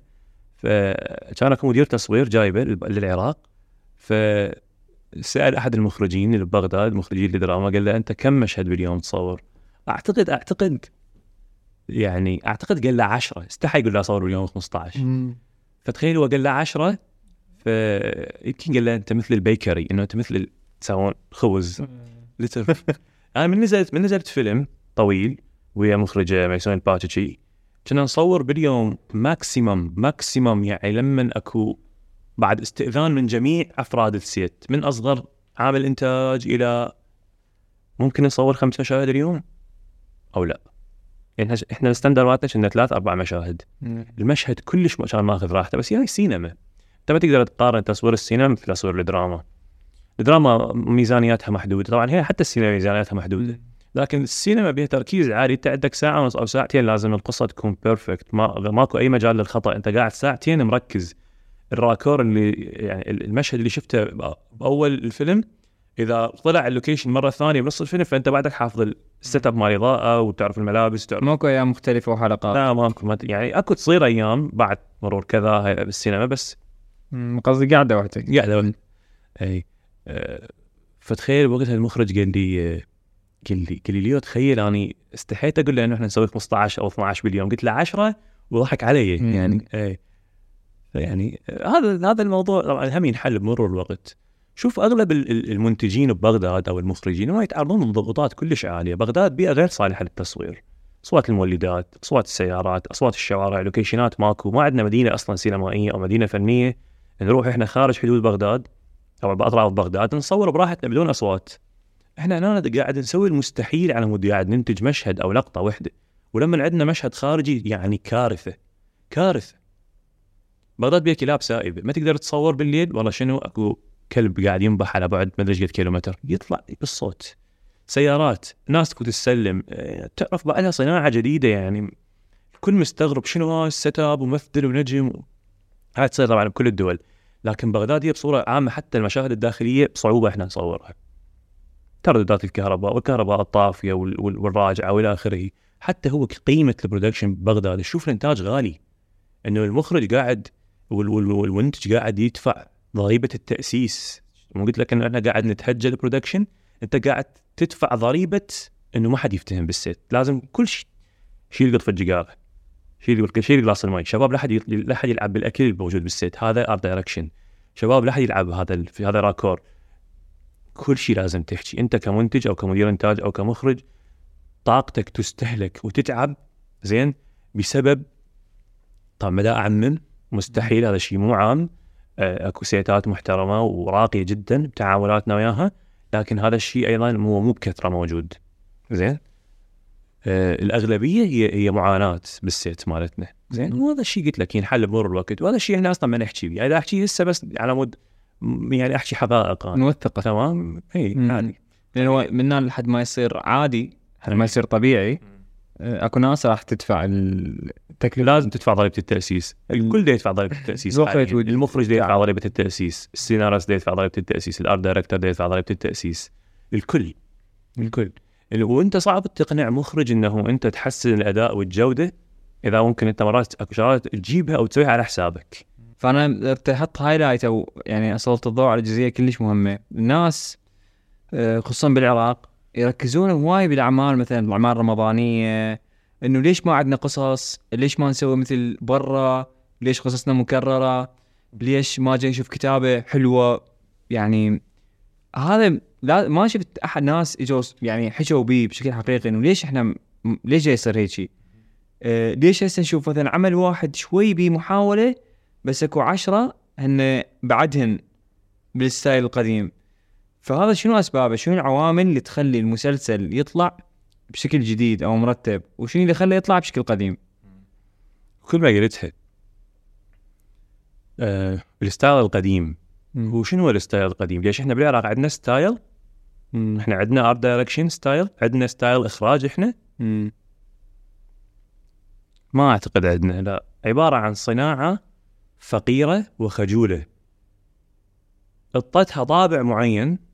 زين لهاي الصناعة اللي هي سواء كانت سينما أو دراما أو وات شو تسميها سميها؟ أه صار أكو فد انطباع معين إن ال frame العراقي دائما صحراء هدوم قديمة بدايات متهرئة أه لهجة غريبة يعني الل- اللهجة اللي يحجون بها بالدراما فشي غريب يعني إحنا ما نحكي هيك لا هي جنوبية لا هي بغدادية لا هي. غربية لا هي موصلية ما تمثلنا. فد شيء كلش غريب يعني فد فد لغة هجينة فد ملابس هجينة فد أداء هجين من الممثلين فد تشتت كلش عالي من ال... ما أعرف ما أدري فإحنا ما عندنا style آسف. مم. يعني ما ما أعتقد إحنا عندنا style. شوف أكو فترة معينة كان أكو بيها إنتاجات تقدرون تشوفوها على اليوتيوب. أكو شخص عراقي ينزل إنتاجات عراقية قديمة. حتى ما كانت تسمى فيلم أو مكتوب عليها تمثيلية تمثيلية أو الفيلم العراقي للسهرة أو هيك شيء بس بيهن style. هذني الإنتاجات إلى حد سنة ال 89 يمكن 88 ما أعرف. بيها ممثلين عراقيين. طبعا هي كل المسلسلات أو هي كل التمثيليات بيها نفس الممثلين. مرة تكون هي الزوجة مرة تكون هي الأم مرة. يمكن أكو فد على اليوتيوب شفت أنا تقريبا أكو فد 10 إلى 15 إنتاج. صراحة القصص لطيفة جدا مكتوبة بطريقة أه، كلش حلوة بها مواضيع اجتماعية. مثلا يحكي لك على زواج القاصرات يحكي لك على البنات اللي لازم تروح تتعلم بالجامعة يحكي لك على الابن اللي لازم يشتغل اللي لازم يورث مهنة أبوه مم. فد قصص عراقية إلى الآن هي موجودة إحنا نعيشها لكن مسويها بأحداث لمدة يعني أعتقد هي كل فيلم أعتقد أعتبره أو ما أعرف سكتش أو ما, أقدر اسميه 40 سكتش. دقيقة. مقدمين عليه تمثيلية ما أعرف. ما أعرف شنو ما اعرف شنو هذا المصطلح. لأن أعتقد هاي مصطلح قديم إحنا ربما تمثيلية يعني. ربما اي اي بي بي تقدر تقول تمثيلية. يمكن هو فيلم تقدر تقول عليه مثل الفيلم هو. يعني طريقة التقطيع والأداء مال الممثلين هي طريقة دراما لكن هي مو هي مو مسلسلة. هي خلاص هي حلقة تبدي وتنتهي ويعني مم. القصة تبدأ وتنتهي خلال ساعة. مم. زين؟ هذني الإنتاجات بيهن بيهن ال... ثيم بيهن ثيمة. أي. أي. الكتابة تغيرت؟ أعتقد المخرج كان آه، الياسري اللي هو ال owner مال قناة الديار. مم. هذا المخرج عنده style يعني كان كان يعطي فد فد style معين.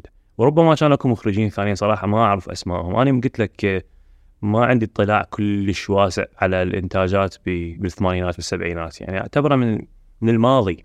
ولا أكو تلفزيون وطني يطلع لنا هذه الإنتاجات القديمة بحيث إحنا نقدر نواكب.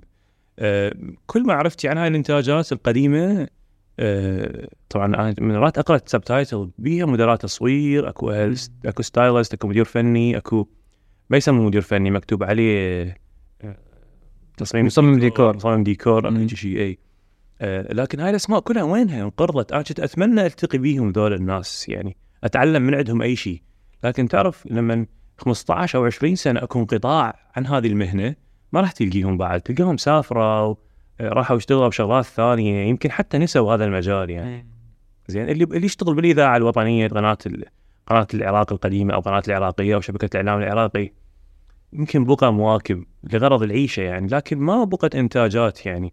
يعني هسه شوف الشركات اللي كانت تنتج قبل واللي واللي تحتوي على فنيين يطلعوا لك شغل بطريقة جميلة أو رصينة آه، الشركات كان اكو شركة بابل زين أعتقد يعني ما أعرف وين صارت زين شركة عشتار. عشتار طبعا عزلت فترة كلش طويلة ورجعت قبل يمكن سنتين ثلاثة رجعت إنتاج رياضي تغطيات ملاعب رجعت مو إنتاجات. وأتمنى ال history مالتهم والارشيف يعني أما يبيعوه أو أو أو يطوه جهة معينة تستفيد من عنده أو ينزلوه يوتيوب أو ما أعرف. عشتار مسوي إنتاجات رهيبة يعني وجميلة جدا. آه، وكان أكو تجارب اللي لمخرجين عراقيين شايف يعني هو مخرج يروح يسجل شركة إنتاج. على مود ياخذ آه، فيلم من إنتاج آه، وزارة الثقافة يعني. فيلم تلقي بيه قصة اجتماعية تخص العراق بصورة عامة سواء كان قصص حربية قصص اجتماعية قصص تهم المجتمع بذيك ال- الفترة. فهي كانت إنتاجات أعتقد تمول من قبل وزارة الثقافة وتنتج بشركات خاصة تابعة لمخرجين يعني. ماكو ماكو منتج بس منتج هو مخرج ومنتج نفس الوقت زين؟ أي. يعني. أي. ممتاز. بس بعدنا ما يعني ما حصلت الجواب الكافي إنه ليش هسه okay هذا ال- فات. أي نعم. ليش ما جاي يشوف كتابه؟ أنا من قلت style قديم أقصد اللي قلته أنت إنه ما أنا أسحبت بالحوار بموضوع ال style القديم هو ماكو شيء اسمه style قديم ال style القديم. هو منقرض يعني ما موجود. 100% أي. إنه هي ما تمثلنا إنه هي يحجون بلغة. مشنجين بس أكو محاولات الأشياء شنو الأسباب اللي تخلي هذا؟ أكو تدخلات سياسات. كل القنوات اللي بالعراق كل القنوات اللي بالعراق يعني إلا ما ندر. هاي دا أقولها بس for the records إلا ما ندر يعني. مم. خاف أكو. خاف أكو اني ما نعرف هي قنوات تابعة لجهات سياسية فهي قنوات مؤدلجة. وكل ما تحتويه القناة من برامج ودراما وفواصل إعلانية أو فواصل أو أو برامج اجتماعية هي بها نوع من الأدلجة. وإذا ما بها نوع من الأدلجة فهي آه، برامج خلينا نقول صحيحة ومتوازنة تقدم من قبل المقدمين آه، ما منتمين لهذه الجهات يعني جهات يعني مقدم مستقل أو ممثل مستقل أو لكن هو الهدف من عندها إنه هو يكثر مشاهدات على هذه الجهة الإعلامية قناة كانت أو يعني غالبا هي ما تكون بس قناة تكون قناة ومنصة social منصات social media ومرات عندهم مطبوعات وعندهم مجلة أو جريدة ومرات عندهم راديو. تعرف يعني broadcasting كامل يعني مم. وقفت تعرف تعرف جهة تريد تبث فكر معين. فهذه الجهات هي مو الهدف الأساسي من وجود هذه ال- المؤسسة الإعلامية آه، الربح. لا تربح من خلال الإعلانات ولا تربح من خلال الأفلام ولا تربح من خلال إنتاجات الدراما. هي كلها آه، جهات إعلامية مدفوعة مدفوعة الثمن آه، تمول بميزانيات سنوية زين؟ وصار لها سنوات طويلة يعني تمول. تمول من قبل جهات معينة. كل قناه أو كل برودكاستنج ميديا آه، لها فد جهة تمولها سواء كانت جهة معروفة أو غير معروفة. ومرات هذه الجهة أصلا تباع وتشترى ما بين جهات معينة. فتشوف هل هالسنة توجه هذه القناة هيجي وعلى خمس سنين يصير توجهها غير شيء تستغرب إيش يصير. انباعت. بس ما يقول لك. فهذه الجهات تتحكم بالنصوص طبيعة الإخراج طبيعة التمثيل أه ومرات ما يهمها أصلا إيش يطلع بالشاشة المهم مادة محروقة أجيب بيها مشاهدات فتلقى يختارون أرخص مخرج أرخص سيناريست أرخص ممثل أو مرات مو أرخص ممثل مرات مرات يجيبون مخرج زين وممثلين زينين ونص زين لكن يرطوهم أرخص الأثمان. يعني وهذا الشيء طبعا لأن العراق ما بي يعني نقابة الفنانين العراقيين ما فارضة فد ما فارضة الحد الأدنى للأجر مثل مصر. يعني أنت تجي على الممثل آه، تقدر تجي المنتجه تعطيه 200 دولار على الحلقة أو 200 دولار على المشهد أو 10000 دولار هي بكيفها بكيفي. ماكو محددات. ولا الممثل راح يبقى كل الممثلين عندهم القدرة على التفاوض. ما دا احكي على الممثلين دا احكي على الفنانين بصورة عامة فنانين وفنيين. يعني من عامل الإنتاج إلى آه، شخص اللي يقدم catering وبوفيه والمخرج ومساعد المخرج وال continuity اللي هو الراكور ومساعد المخرج والأزياء دا احكي بس- كلهم يعني دا احكي على ال crew مال الإنتاج بصورة عامة من ضمنهم الم- المنتج نفسه. أكو منتجين ياخذ risk ياخذ عمل درامي بفلوس قليلة بس على مود يصير منتج على مود يسوي واسل غير قناه تعتمده كمنتج. بالتالي يدفع الثمن غالي. يحط من جيبه على مود يكمل ومرات ما عنده يدفع من جيبه. ترفع عليه قضايا ومرات تنحل وديا يعني تعرف هو كمنتج أكيد عنده أصدقاء بالوسط الفني. فحيسامحوه لما ياخر الفلوس عليهم. أو ممكن يضطر يشتغل إعلانات أو يضطر يشتغل عمل ثاني سنتين وراها. على مود بس يسد الاجور مال العمل أو يتداين. أكو شركات انسدت ببغداد خلال هاي الثلاث سنين أربعة راحت. زين؟ لأن ما عندنا اسطى منتج اسطى عراقي نتعلم من عنده. ليش؟ أنت ما تقدر تصير منتج رصين ومنتج حقيقي. إذا ما تجي أنت عندك مورد معين تحط فيه فلوس تنتج النص اللي تريده تخرج بالطريقة اللي تريدها. إذا تبقى تعتمد على هذه الجهات اللي تعطيك فلوس على مود تنتج لها ما هم يريدوا على مود تصير أكو مادة تطلع بالجو عندهم على مود يجيبون مشاهدات أكثر على مود تكثر المشاهدات على فلان قناة على مود في فترة الانتخابات يبثون المحتوى اللي هم يريدوه. تمام؟ أو مرات ما له علاقة بالانتخابات. أكو أكو هواي قنوات هي تبث آه فكر معين وادلجه معينة طول الوقت. كل الوقت. يعني تابعة جهة معينة. فتشوف الإنتاجات مالتهم طبيعتها ميزانياتها طبيعة إخراجها ال color مالتهم اللهجة اللي يحجون بيها. توديك ال mood معين مثلا. أكو mood أكو قنوات توديك ال mood حزين. تصنع من عندك شخص عراقي حزين. أكو قنوات توديك إلى إلى إلى شخص شخص عراقي يريد أن ينتقم من كل شيء. مضطرب. مضطرب دائما. أي الأخبار؟ طبيعة. حتى حتى الكلمات اللي تطلع بالأخبار طبيعة صياغة الجملة. مم. تحس يعني يهيج أعصابك. يخليك دائما في mood الأزمة. دائما أنت تريد تجمع بنزين تريد تجمع موية تريد تجمع أكل بالثلاجة تريد تجمع بقوليات. هاي كلها أدلجة. هاي الأدلجة كل شيء تأثر على على صناعة صناعة الفن بالعراق أصلا بصورة عامة. زين. فالدراما هي سوق الدراما آه، يتأثر بالجهات المنتجة. قلت لك من يصير العراق بلد بجهات معينة؟ investors مستثمرين آه، يسوون أفلام ويسوون دراما لغرض بيعها والاستفادة من مردودها المادي. ذاك الوقت النصوص راح تتحرر والإخراج طريقته راح تتحرر الممثلين راح يتحررون يمكن يعطيك أداء أفضل بهواية. أما ضغوط ماديا الممثل بالعراق يضطر ينزل بعمل دراما بنفس الوقت. راح يضيع شخصيته يعني الشخصية تضيع. أنت العصر عندك مشاهد لازم تطلع بيها شرير والصبح لازم مثلا مشاهد تطلع بيها شخص مغلوب على أمره. بس هو مضطر يجي يسوي لأنه أنت لازم أنت أنت بالعراق الفنان آه، يشتغل بالموسم بس. يعني ما قبل رمضان وباقي الوقت الفنان اللي عنده منصة سوشيال ميديا ومسوي وصانع من نفسه شخص مؤثر غير أنه ممثل. أكو ممثل وأكو مؤثر influencer وأكو يجمعون اثنينهم بالصدفة طبعا. هو عنده قدرات انه إنه يكون ممثل ويعيش دور معين وحالة معينة قدام شاشة السينما أو الدراما.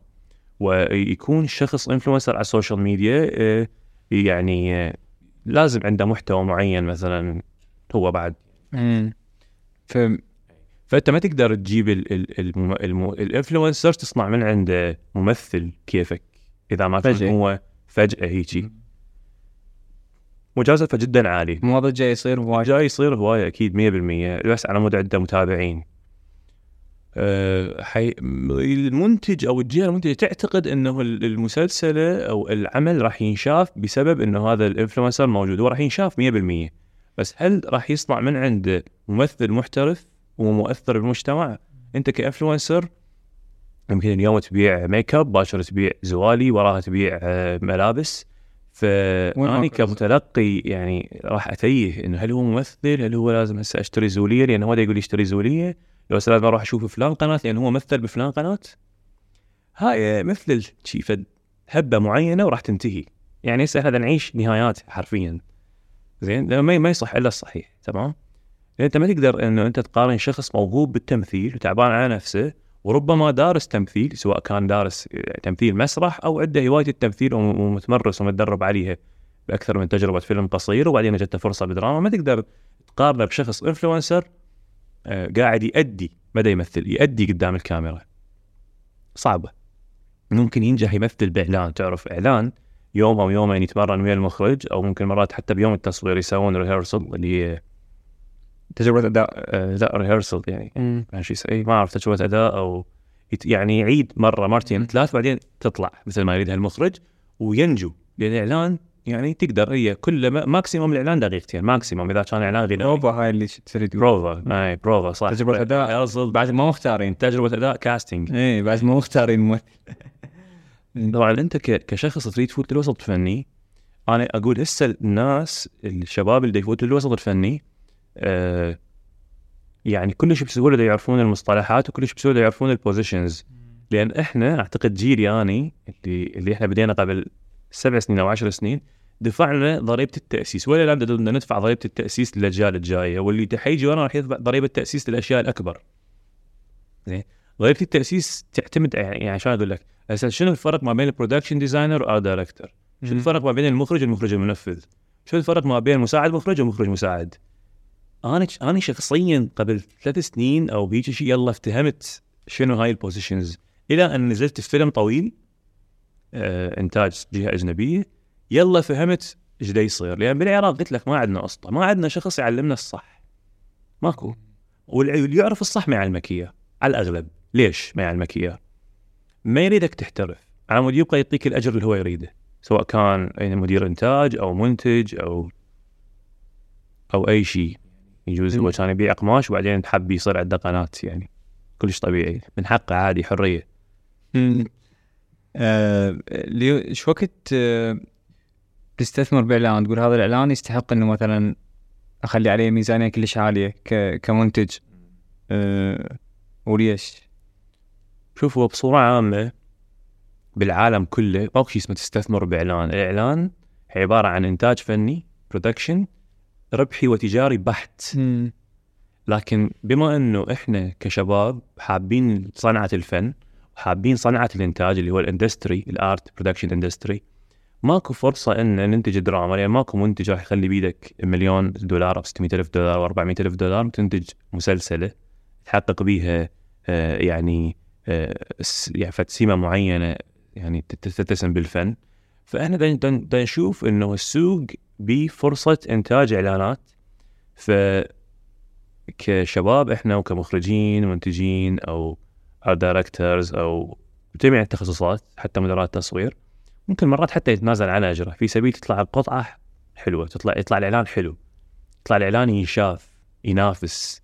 آه على الأغلب آه إحنا أكيد هامنا ال client يكون مرتاح ويكون الشغل مات آه آه واصل لل clients العدة. بنفس الوقت إحنا نشوفها هاي فرصة نسوي بيها art حقيقي. يعني فرصة نسوي إدارة تصوير ممتازة فرصة نسوي art direction ممتاز فرصة نسوي إخراج حلو فرصة نكتب سيناريو غير مؤدلج. يعني سيناريوهات الإعلانات هي على الأغلب بيها شوية منطقة من الراحة. تقدر تكتب نص كوميدي تقدر تسوي إعلان متكون من كلمات أغنية أو إعلان يبدي بحوار وبعدين يتحول إلى أغنية. أكو أكو راحة للكاتب شوية زين؟ يعني صح هو الأيجنسي تفرض علينا مرات سياسات معينة بس هالسياسات هي أصلا يعني أنت لما تجي تشتغل إعلان أنت فاهم إنه أنت ما جاي تسوي فن على مود نفسك أنت أنت جاي تسوي قطعة production سواء كانت دقيقة دقيقتين على مود الغرض من إنه أنت تبيع. أو حاجة. تبيع حاجة معينة غرض معين. إنه أنت لازم بيها جمالية كلش عالية زين بيها احترافية جدا عالية. وبنفس الوقت بيها message بالأخير. call to action أنت لازم الإعلان ينتهي ب call to action بالأخير. أو ما ينتهي ب call to action ينتهي بشعار الجهة المنتجة لهذا الإعلان اللي صارت سواء سواء شركات أثاث شركات توصيل شركات ملابس. أنت لازم بالأخير تصير ليبلد يعني لازم تخلي يعني شعار معين لهذه الجهة. بس الشباب بالعراق وأنا واحد من عندهم انه إحنا مرات إن يعني شلون أقول لك. يعني خلينا نفرض إنه الإعلان أكو منتج حصله ب 15000 دولار كلش عادي يذب ال 15000 دولار عم نجيب كاميرا زينة جهاز صوت زين مدير تصوير ممتاز سيناريست ممتاز color grading زين أو ممكن أصلا يشتري قطعه يعني يشتري جهاز مال color على مود ي color زين أو يشتري PC جديده بفلوس ال production نفسه. وأرجع أقول لك إحنا نتهجى مبادئ ال production يعني إحنا كل هدفنا هسه ببغداد أو أو بالعراق إن نوصل إلى هواي تسمع هاي الكلمة. ما أعرف يمكن هذا موضوع شخصي أنا دا احكي أو بصورة عامة. الهدف إنه نوصل level مصر. الهدف نوصل level مصر. هواي تسمعها من شباب. زين؟ آه هواي reference ات مصرية ياخذون من عندها يعني frames بالمناسبة إحنا ال reference ينأخذ لغرض يعني. أما إنه أنت تختصر على نفسك وقت ال research أو أنت ال client العراقي عادة يعني صاحب ال business أو أص أو أو أو مدراء قسم التسويق بالشركات زين ما يقتنع بفكرة from scratch نادرا ما يقتنع. اللي يخاف يخاف يعطي فلوس لشركة الإنتاج أو المنتج عم يسوي له فكرة جديدة.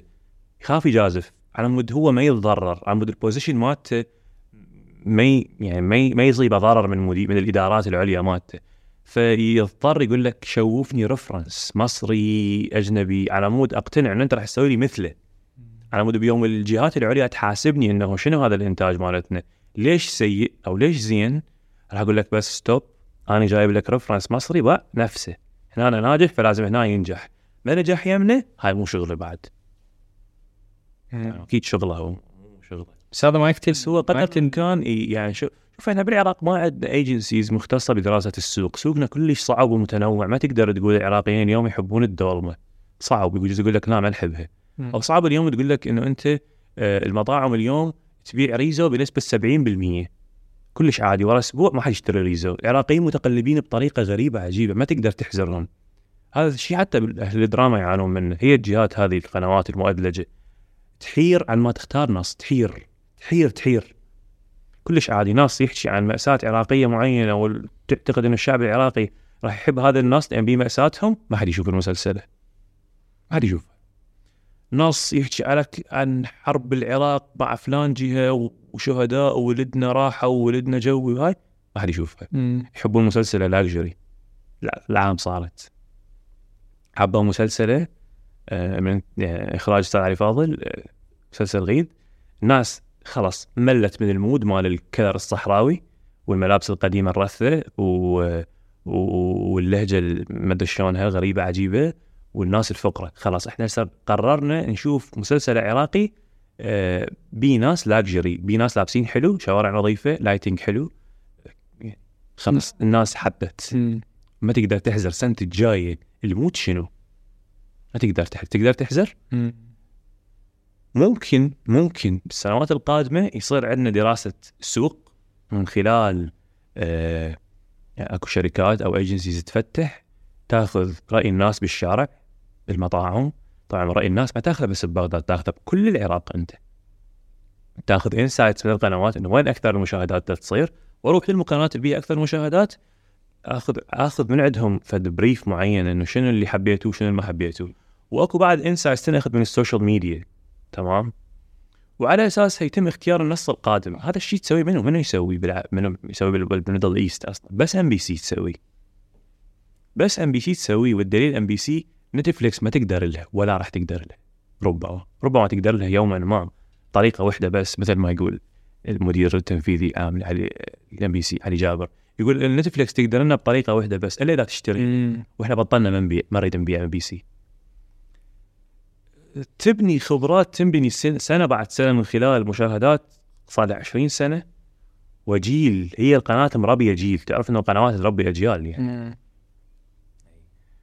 وأيضا بعد أكو أمور ثانية يعني. ف... فأنت جبتها تو قلت إنه مثلا مرات آه نكتب نص إن آه، نضحي بالاجور كذا حتى يطلع كل زين. بس مرات مثلا الايجنسي تتدخل شوي شنو المراحل اللي يمر بها الإعلان؟ شنو شنو الايجنسي؟ شنو ال creative agency؟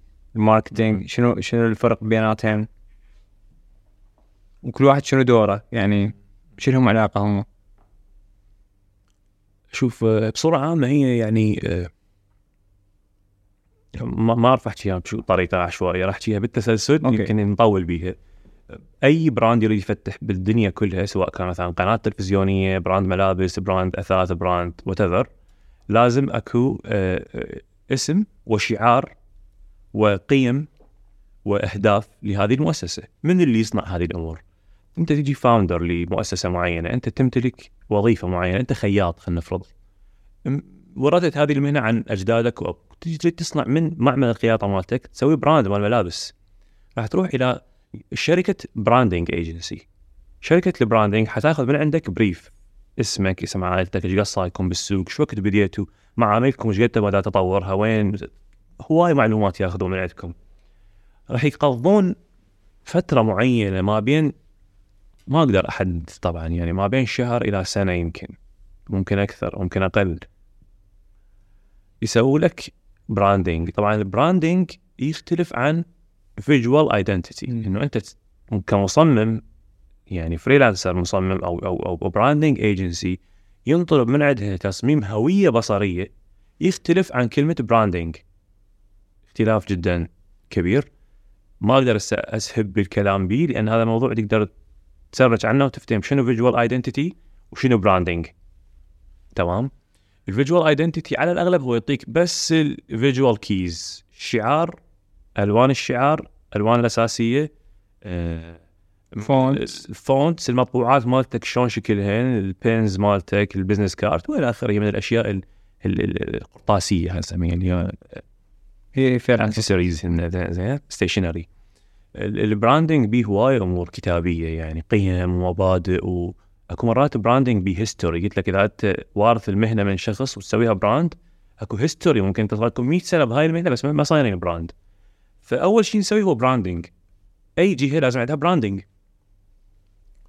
بعدين بدأوا يشتغلون يريدون يطبقون يعني أسس ومبادئ هذا ال brand اللي تأسس لهم ينعكس على ديكور المكان ملابس العمال ملابس المدير سيارة المدير آه، أطباق اللي تتقدم أكل ط- طريقة الدوام طبيعة الدوام ساعات الدوام كل هاي من ضمن ال branding راح تجي أكيد أكو فريق داخلي in-house يدير يعني يدير هذا ال brand تمام سواء إدارات إدارية إدارات قانونية آه، قسم الميديا عندهم أو يجي شيء يعني marketing. قسم ال marketing مثلا أي. قسم ال marketing عادة in-house يكون إذا كانت ال- ال brand هذا يمتلك إمكانيات مادية عالية فراح يتوجه إلى شركة marketing marketing تسوي offline marketing digital marketing تسوي لك plan سنوية أو خمس سنين أو عشر سنين حسب إمكانيات الشركة. ومرات ماكو agency أكو marketing team داخل يعني داخلي داخل المؤسسة نفسها يخلون لهم head of marketing و head of marketing يختار يسوي نفسه team متكون من خمس 10 20 شخص حسب كبر الشركة وتوجهاتها. ما بعد ال marketing قسم ال marketing سواء كان in-house أو جهة خارجية. زين؟ آه راح نحتاج إلى طبعا بال marketing على الأغلب أكو TVC صحيح؟ أكو أكو إعلان سنوي أو نصف سنوي. وأكو content content creation اللي هو digital marketing على الأغلب يحتاج content فيديو صور إلى آخره.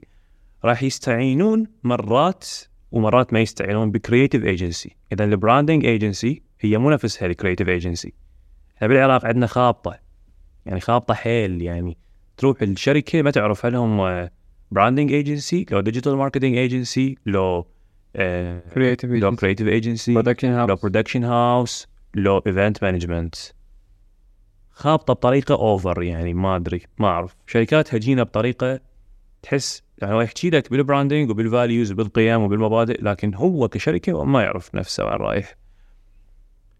أه وأكو شركات جازت من هذا النمط خلاص عرفوا إنه هاي منطقة خطرة توقعنا. توقعنا قدام الكلاينت لأن إحنا ما راح إحنا ما عندنا القدرات على ان نوفر لك كل شيء. إحنا أقوياء بفلان منطقة بس إحنا ضعفاء هنا. وكلش طبيعي هذا الموضوع يصير وبعد يمكن عشر سنين الجاية راح نبقى في في نجتر نفسنا نجتر هذه المعلومات نبقى نعيد إلى أن الناس تفتهم انه أكو توجهات وأكو تخصصات فلما تجي ال marketing digital marketing plan أو ال marketing plan بصورة عامة تطلب من ال creative agency إنشاء حملة سنوية أو البدء بشروع حملة سنوية. راح يبدون أكو creative director بال agency بال creative agency أكو copywriter اكو أكو scenarist ممكن عندهم حسب. هاي positions تتغير. زين؟ تتغير بحسب الحاجة. زين؟ أه، ومرات أصلا هو ال client ما يروح الايجنسي يعني هو يكون ال marketing team مالته عنده قدرات معينة يعرف يعطي brief ل production house وال production house تستعين ب creative director freelancer أو موظف عندهم. وال production house هي أما تنفذ يعني ال ال ال ال ال brief اللي يجيها من ال من ال client بصورة عامة يجي مرات يغيرون الفكر مال ال- مال ال marketing team ال creative director يقترح اقتراحات أحلى. زين؟ ومرات لا يعني خلاص stick with script إحنا يعني نلتزم بما يريده ال client زين؟ مرات ال client جايب reference جايب reference يقول أريد نفسه. نفسه نفسه أريده نفسه نفسه ما اريد اغير بيه أي شيء. حتى ال mood light حركة الكاميرا هاي تتبع بعدين هسه هنا المنتج. ممكن أكو أي قطع ننتجها بس ما ننشرها لأن إذا ننشرها آه مو حلوة. لا مو حلو ان أنت تقلد reference مال إعلان معين. أو ممكن تحاول تقنع ال client إنه إحنا نغير كم frame كم اداء كم كلمة. عاد أو ممكن ترفض لأنه أنت ما أو ممكن. ترفض. نادرا ما نرفض. مم. قلت لك الإعلانات هي إعلانات تجارية هي مجال ال production آه، تجاري بحت. هدفها حتى ينباع. أنت إيش قد ما راح تسوي إعلانات فأنت ما راح تسوي دراما أو سينما. ما راح تقدر تقول إنه أنا سويت نفذت رؤيتي الفنية ماكو يجي شيء. نفذت رؤيتك الفنية ضمن إطار ما يريده ال client ضمن مبيعات معينة. يعني الهدف إنه أنت تبيع بالأخير. أنت ما الهدف إنه تطلع قدرات بالتمثيل أو قدرات بال music أو قدرات بالصورة. لأني مطلوبات من عندك لأني كلش مطلوبات لأن الإعلان لازم يطلع perfect كإنتاج فني لكن بالتالي الهدف من عنده هو مو مو فكر ما مو بس بس فكر معين لمخرج معين أو كاتب سيناريو معين هو موضوع تجاري بحت. فأنت تاخذه تاخذه. مم. إي. لازم تاخذه. هذا إيش أشوف؟ ما أدري. إي. لأنه بال... يعني هو هذا الموضوع يقودني لفت شغلة معينة. أنت انت انت فنان بالأساس. إي نعم. بس هسه طابين على يعني business وفلوس وشركات وإنتاج. منو ضاب بالضبط؟ هسه مثلا أنت شخصيا آه ال background مالتك فنية. آه بين رسم بين design بين هواي سوالف. آه وأكو هسه إنتاج. وأكو client وأكو شركات. شلون تفرق بيناتهم؟ يعني أكو view فنان أكو view business شوف ال أنا مالتي background مو فني، أنا من عائلة فنية إي بس أنا مو من background فن، أنا من من background شركات، أنا من background شركات نفط. امم إي. فهذا شيء ما حد يعرفه طبعا ولا أحكي بيه. ولا من فترة كلية الفنون الجميله قلت لهم إنه أني من وصلت ثالث كلية بطلت من شركة النفط. ما حد كان يدري أنا وأنا داوم الصبح أصلا يعني. اي من background اي من background IT كنت مسبقا ومجال ال IT وصلني إلى آه، كان عندي شغف بالرسم وفن وبعدين خلال تجاربي بمجال ال IT اكتشفت أكو Photoshop وأكو برامج digital art وتوجهت رجعت لمنطقة ال- ال art والرسم. تعرف هي فترة يعني انت بالعائله أكو فن بالبيت بال- بال community اللي أنت عايش بيه. فأنت ما أعرف هي الصدفة تاخذك أو ال- الفترة تاخذك على إنه أنت تضل في مرحلة عينك وروحك تبقى تدور ألوان font تكوينات زين. اكتشفت أكو شيء اسمه digital art بال PC نفسها برنامج هذا Paint. يعني هذا أبسط شيء بدي basic وبعدين تاخذك الأمور يعني إلى إلى مناحي أخرى. ومن بعد ال IT يعني آه، اشتغلت في آه، في شركة نفط لمدة سنتين ونص أو ثلاث سنين. آه، اشتغلت ب position كنت سكرتير مدير التخطيط. مدير التخطيط في مو... في شركة نفطية literally كل شيء يفوت من يمه. هو مدير التخطيط يعني planning أي مشروع لازم يفوت من يمه تعرف؟ يعني هو head of plan يعني هو مدير التخطيط العام للمؤسسة كلها تمام؟ فأنت لما تكون سكرتير تتعرف على هواي عقود وورق وأرقام ومخططات ومخططات إنشائية ومخططات فد عالم ثاني كنت أني. طبعا كسبت خبرة إدارية من هذا من هذا المكان طبعا. وأيضا أنا كنت مصمم بالخطوط الجوية العراقيه بنفس الوقت أنا أداوم بمكانين كنت graphic designer ما كانت وظائف مالتي بس graphic designer تعرف إحنا بالعراق المدير إيش قد ما عندك skills راح أنا كنت بالخطوط الجويه العراقيه كنت أصمم ك graphic designer و digital marketing للصفحات مال الخطوط الجويه اللي هي China agent China agency أه وبنفس الوقت أكو أمور ثانية أسويها اللي هي استقبال ال ال- آه، من كنت عايش بالصين طبعا فترة اني يعني مو عايش إنما تواجدت فترة بالصين. كنت أستقبل رحلات VIP طبيعي عادي المدير يخليني لأنه أنت good shape وتعرف شوية تحكي وأنت مصمم already أنت تعرف كل شيء عن المؤسسة مالتنا. بس حلو تستقبلوا الناس اللي أنت يجون مصمم ليش رحت للصين؟ آه يعني أغراض إدارية غير اي انه لازم تكون متواجد وكذا و... ما اعرف يمكن كان اكو حاجة لوجودي هناك أو لا بس اعتقد ال- المدير كان يعني كلش يفضلني يعني كنت احس بهذا الشيء وأنا اعتبر محظوظ ان المدير كان يفضلني يعني ما أقول لك يعاملني مثل ابنه لكن اعتبر نفسي م- يعني موظف مميز يعني أعتقد أسوي الشغل برصانة عالية سواء كان design أو أو ترجمة أو تواجد بالمكتب أو وهذا انت انطباع جيد. إي انطباع جيد. واثق بيك كان. إي حلو هذا الشيء كلش حلو. شوف أنا أعتقد أنت ما راح تقدر تكون إداري جيد إذا ما كنت انت في اليوم موظف ممتاز مو جيد ممتاز لازم تكون. مم. إي.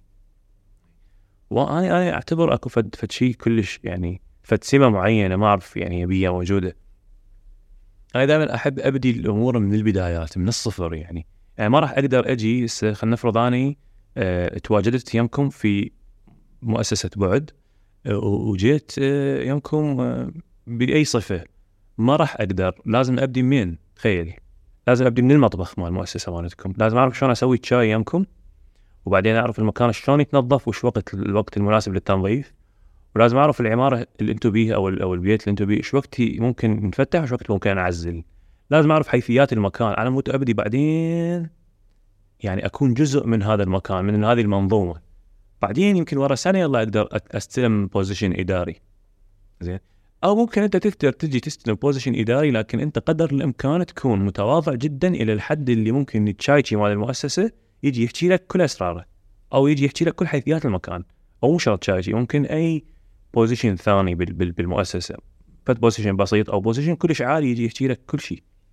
عم تقدر أنت إذا ما تعرف حيثيات المؤسسة ما راح تقدر تقومها وتكون جزء من إنه تنهض بالمؤسسة. تنهض بها نحو level أعلى طبعا. أي. يعني. فهذا اللي خدمك؟ هذا اللي خدمني عن أن أكون آه مو أنا أكون art director ممتاز لا. مم. أو ما أريد أقول عن نفسي ممتاز يمكن جيد اني آه، أو هذا الموجود بالعراق. أنا أشوف هذا اللي خدمك انه تكون منتج. تكون منتج بالضبط. لأنه أنت تعرف هسه تتعامل ويا ال art director تعرف تتعامل ويا مدير التصوير ويا عامل الإنتاج ويا ال- على قولتك الشخص اللي يسوي شاي. بالفعل. Tea boy. إي نعم. مو بالمناسبة أنت كونك منتج أنت يعني ما ما أعتب على على المنتجين اللي بالعراق اللي هم أصلا كلش قليلين يعني. أنت ما يكفي إنه أنت تكون عندك تجارب كمنتج يعني. أنت لازم تكون مدير ممتاز وجيد للمؤسسة. لازم تفتهم بالعقود. لازم تفتهم بالسيناريو وتقيمه. أنت ما يصير السيناريو تقرأه ما تعرف هل هذا جيد أو لا. ما عندك رأي؟ لازم عندك رأي. لازم تعرف هذا الإعلان حيبيع لو ما راح يبيع. لازم أنت تفتهم. يعني أنت ما أقول لك روح صير ماركتير بس أنت تنتج إعلانات لازم تعرف هذا الإعلان راح يبيع أو لا. لازم عندك خبرة بسيطة من من من من شخص ماركتير يعني. زين. ما أعرف أنا أشوف مهنة المنتج هي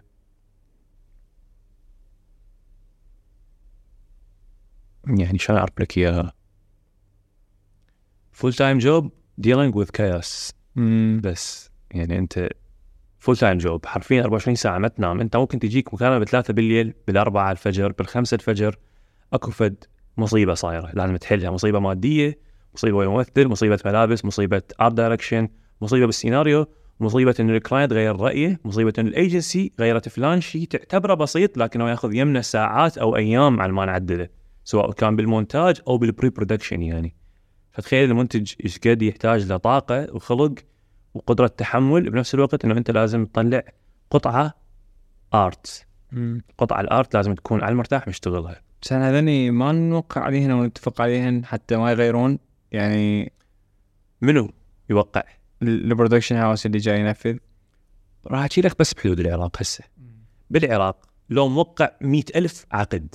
لما ال client يطلب تغيير وما تسوي يا إما يفك العقد أو يكمل القطعه وياك للخير لو ينشرها لو ما ينشرها بعدين بس راح يحط عليك X بعد مو ما راح تصير أنت ال provider بس ما يعطيك الفلوس ما راح تكون أنت vendor ما راح يعطيك الدفعه الأخيرة آه، راح يشلع قلبك راح يحكي عليك بالسوق راح يعني راح تصير مشاكل. هذا كله بسبب إنه النقابة بالعراق نقابة الفنانين أو وزارة الثقافة دورها جدا ضعيف. ما تحمي. ما تحمي حقوق الفنان ولا تحمي حقوق الملكية الفكرية. ولا تحمي العقود أصلا يعني. ما تحمي العقود. ولا أكو قلت لك ماكو شيء اسمه الحد الأدنى للأجر. مدير التصوير ولا أكو الحد الأدنى لأجر المخرج أو المنتج أو أو أو إلى آخره.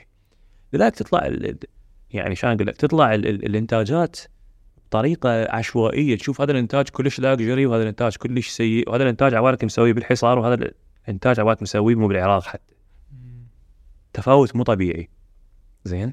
لأن ماكو ماكو سياسات رصينة تفرض من قبل النقابه النقابه يعني النقابه هي مو واجبها تجيب لك موافقات التصوير مثلا.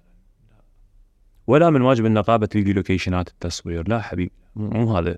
location manager يسوي scouting ويلي بس إحنا تعرف العراق به مشاكل اقتصادية وسياسية وموافقات على مود تصور افلام مكان موافقات على مود فلان يخرج موافقات على مود فلان ممثل يجي وياكم موافقات على مود فلان سيناريو ينتج أيضا شغلة معقدة جدا. قلت لك الإنتاج الفني بالعراق يعني دا يمر بمراحل الولادة. تعرف شنو شايف الولادة العسيرة؟ إحنا دا نمر بمراحل الولادة العسيرة الطويلة. طويلين إحنا. اي يعني بس اللي عنده واهس وخلق حقيقي حيستمر بهاي المهنة. مم. يعني ما عنده خلق واهس حقيقي راح يروح بعدين يفتح مطعم أو كافيه. على الأغلب. يعني easy money اريح ربما ربما لا. زين ال- على الجانب الثاني اللي هو مثلا جانب التسعير وال- والأسعار. آه، كل من بكيفه لو أكو أسس جت تسعر عليه مثلا فجأة تشوف project والله هذا إي يسوى فجأة project آه، أقل. شنو الأساس اللي يتسعر عليه هذا؟ هذا هذا سؤال ممتاز. شوف إذا نحكي على جانب ال- ال- السينما بالعراق فهي إنتاجات فردية تمشي بنظام المنح يعني منح أو أو قروض أو أو المخرج أو المنتج يروح يجيب فلوس من من هو ما أعرف من يروح يجيب. فلوس شخصية وينتج سينما. زين لذلك تسمى بالسينما المستقلة. إحنا ما عندنا بالعراق السينما التجارية. عندنا السينما المستقلة. اللي تشوف الفيلم يفتر أوروبا وأمريكا مهرجانات وبعد ما بعدنا ما شايفه بالعراق. ما شايف وربما يمنع من العرض بالعراق. هو مصور هنا. وبكادر عراقي بس يمنع يمنع هنا إنه إنه ينشاف. هاي من ناحية سينما. من ناحية دراما من ناحية دراما إذا النقابة ما تفرض الحدود الأدنى للأجور أجور السيناريو واجور النص أو أجور الإنتاج. يعني مثلا اني كنقابة أقدر أفرض سياسة معينة إنه ماكو production بالعراق دراما ينتج بأقل من 600 ألف دولار. لا اراديا وبصورة أوتوماتيكية ال production مالت ال quality راح يعلى مرتفع. يعني المنتج راح يكون مرتاح راح يفتح أيام تصوير أكثر بعد ماكو مشاهد 20 مشهد باليوم. ينضغط على المخرج بعد ماكو شيء راح نقدر نصور 8 5 10 مشاهد باليوم. الممثل راح ياخذ راحته لأن يعني عنده اجر زين. راح يقدر يستمر بالتصوير ثلاثة أشهر. زين. آه راح نقدر ننتج بفترات قبل رمضان بسنة. ما انتج قبل رمضان بثلاث أشهر ومنتج بليله التسليم. إحنا الحلقة مال الدراما تنطي قبل ليلة البث تخيل. انه أنت باكر سبعة بالليل البث أنت اللي ب 12 بالليل تدزها للقناة مثلا. 12 بالليل قبل يوم أو الصبح مثلا. زين شو وقت المدير الفني مال القناه يشوف؟ شو وقت يعطي رأيه؟ شو وقت تجي انتقادات على الحلقة؟ شو وقت نعدل المونتاج؟ فلذلك الحلقة هي واخطائها تنبث عادي جدا طبيعي. زين يمكن تلقى حل... الحلقة على اليوتيوب. باثيها بطريقه أحلى. اكو يجي شغلات تنشاف عادي. زين. ف والجانب الإعلانات؟ okay. جانب الإعلانات يعني على الاغلب هي النقابة إذا فرضت الحدود الأدنى للإجور كفنيين يبقى قيمة الإعلان فلوس الإعلان ما تقدر النقابة تحدد. هذا موضوع تجاري بحت. أنا ك أنا اليوم عندي شركة أثاث أو عندي شركة أي شيء مثلا اريد أسوي إعلان اريد اصرف على الاعلان مالتي مليون دولار. كيفي؟ ماكو حدود. بس أكو اسمه الحد الأدنى للفني هاي هاي هنا أنا أعطي مليون دولار ممكن لل- للشركة المنتجة أو للإيجنسي لكن المنتج بعدين يعطي أجور لل- لل- للفنيين والفنانين اللي عنده بالحدود الأدنى تفرضها النقابة، هذا حدك ويا الاعلانات، ما تقدر، ما تقدر تفرض أنت سياسات على الإعلان. تمام؟ سياسات أخلاقية ممكن، محددات أخلاقية واجتماعية ممكن تفرض. لكن أجور وشغلات خاصة ب field ال production نفسه ما راح تقدر لأن تعرف هو الإعلان بالتالي المنتج مال الإعلان هو ال client. هو لو يعرف يس... هو لو عنده فريق يخليه يصنع الإعلان كان سووه بفريق داخلي بس هم ما يعرفون. لأن شغلتنا صعبة. يحتاج لها هواي مهارات فنية وتقنية عالية ومعارف وعلاقات وإلى آخره. 100% زين ليو ال- الممثلين نعم. آه، العراقيين آه، سواء دراما أو إعلانات وأعتقد موضوع هسه يعني مش شابك سوا إنه يمثل دراما ويمثل إعلانات وهو ممثل بالأخير. أها. أه تحس شنو اللي الشيء اللي يحتاجونه فعلا؟ يعني هل نحتاج ورش تمثيل أكثر؟ هل نحتاج إن هم يروحون يقرون أه يجربون أكثر؟ شنو الشيء تحسه إحنا نحتاجه بهاي الفترة بحيث أداء الممثل يصير أفضل؟ والتجربة كاملة تصير أفضل؟ شوف يعني عندي تجربة تمثيل بسيطة أنا شخصيا. التمثيل بالإعلانات يتبع المخرج شلون أطلع من الإنفلونسر أو الممثل أو أو الكومبارس أطلع من عنده أداء مثل ما أنا أريد. تمام؟ لأن أنا مخرج. والمخرج هو شغلته بالحياة إنه أنت تتعامل ويا الممثل تتعامل ويا النص تتعامل ويا أحجام العدسات حركة الكاميرا يعني بالاتفاق مع مدير التصوير المخرج عنده هواي وظائف يسويها بالإضافة إلى مساعد المخرج يساعده بس ببعض الأمور يعني. فأنت كم- كمخرج يمكن أعتقد هي الوظيفة الأولى والأساسية قبل ما يفوت الأمور التقنية والأحجام واللقطات وال light شلون تتعامل مع الممثل؟ تمام؟ فهذه نحكي بالاعلانات ماكو إعلانات بيها trick ات هو يخلي يخلي الممثل يغلط أو يخليه يحكي حرف زايد كلمة زايدة أداء مو بمكانه. الاعلانات عالم يعني عالم ثاني بيه trick ات كلش هواية من أجل إنه إحنا نبيع بعدين. ممكن إحنا نضحكك على مود نبيع نبكيك على مود نبيع وإلى آخره. نمللك من شيء معين على مود تروح تشتري الحاجة اللي تفك عنك الملل حسب. زين. بالدراما زين. على الأغلب هم المخرج له دور كلش أساسي وكبير. والممثل هو إذا كان يعني أو المنتج خلينا نقول إذا كان كلش مهتم لل لل للمسلسل اللي راح ينتجه ممكن يوفر لبعض الممثلين acting coach acting coach اللي هو مدرب ممثلين يجيبوه من لبنان من سوريا. إحنا بالعراق ما أعتقد عندنا أو أكو بس تجارب خجولة. زين. آه آه مدرب الممثلين هو يقرأ النص حال حال الممثل. زين. ويحاول يطلع من الممثل يقسمون النص يقسموه يغس شايف شنو؟ دراسة للنص إنه أنت هنا تبكي هنا ترفع حاجبك هنا ترمش هنا تنزل عينك. يصنع الكاركتر يلبس ال character للشخصية. تمام؟ طبعا مو كل الممثلين يقتنع إنه أكو acting coach يعتبره مرات عيب إنه أنا ليش أسوي acting coach أنا ممثل زين أنا أعرف أقرأ النص واعطي الاداء اللي احس بيه. ولو إذا المخرج عنده ملاحظة يلاحظ علي هاي قناعات بعد قناعات ممثل بالدرجة الأولى. وقناعة مخرج أكو مخرج هو أصلا ما يقبل ب acting coach. يقول أنا أريد أطلع من الممثل الشيء اللي أنا وياه نتفق عليه لي علينا السيناريو طبعا. هذا الشيء طبعا دراما وسينما دا أحكي لك. ال acting coach ومدى مدى اقتناع الممثل بال... بال... بالمخرج والمخرج بالممثل أو العكس زين؟ ولذلك يسوون بالبداية casting ال casting يحل لك هواي مشاكل. بدك تعرف ان هاي الشخصية إحنا قاريها ومحلليها وفاهمين profile الشخصية وبراك جراوند مالتها. بعدين نشوف انه هل هذا الشخص هذا هذا الممثل يعني انت من تجي تسوي كاستنج راح يعطوك 10 مشاهد 20 مشهد مشهد واحد بس تقرا تحاول تتقمص قدر الإمكان هذه الشخصية. فالكاستنج يعني يحل لك هواي مشاكل. ومرات يعني الموضوع ما له علاقة بكاستنج له علاقة علاقة الممثل بالمنتج علاقة ال- الممثل بالمخرج. آه الممثل إيش قد إيش قد الممثل صانع من نفسه؟ influencer على مود يختاروه للبطولة أو لدور أساسي طبعا. ها كلها يعني يعني تنأخذ بال- بالحسبان طبعا. ومرات أكو يسموه يعني من الماكو. شايف إنه أنت تضطر تعطي فلان دور لفلان ممثل لأن هو أنت بالعراق ما عندك ممثل عمره 60 سنة بس فلان وفلان وفلان. فأنت تضطر تختار واحد من عندهم. ما عندهم ما عندك ما عندك خيار ثاني أصلا. أه واكو أكو أنا كلش استغرب عليه إنه ليش الممثلين هم كلهم من بغداد؟ ليش ماكو ممثلين من البصرة من الناصرية؟ أو حتى الممثل اللي هو أصلا من من محافظة عراقية معينة تلقاه ورا كم سنة يجي يسكن ببغداد يعني. لأنه السوق هناك. السوق هناك يمكن إي يمكن. ما أعرف صراحة اسالك هذا ال- على الأغلب هذا اللي صار. على الأغلب كل شركات الإنتاج وموافقات التصوير و- والنقابة الفنانين كلها ذابه جهدها بالعاصمة زين. إي. بالمناسبه مثلا أكو إنتاجات أكو دراما بكردستان شيء كلش بسيط يعني حتى أكو سينما بكردستان. لكن أنا ما أقدر أحكي عن كردستان يعني هاي عالم ثاني. يعني أتوقع إذا تقريم خاص بوزاره الثقافة خاصة بموافقات تصوير معينة بتسهيلات معينة. مم. حلو دا يسوون كردستان. أكو رصانة بالإنتاج. تحس إنه الك- الكل ماخذ على عاتقه إنه إحنا نمثل هذه الأرض وهذا هذه القومية بطريقة ممتازة. مم. اي هنا يعني خلينا نقول إحنا العراق بصورة عامة ما عدا كردستان اكو قلت لك اكو أكو جهات هواية قاعد آه، يعني هي جهات سياسية وجهات آه، دينية تتلخبط بأدائها بالدولة.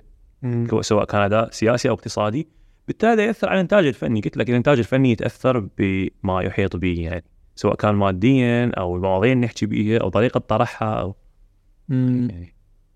يعني 100% زين لو جيت اليوم وقلت لك شنو ال- الفرص اللي انت ذكرت شغلة من ساعه قلت أنا بيهانس هيك قاعد سمعت إنه ما حد جاي يسوي مثلا product photography أو كذا. مم. فقلت أنا هاي عندي فرصة خلي أجرب خلي أفوت.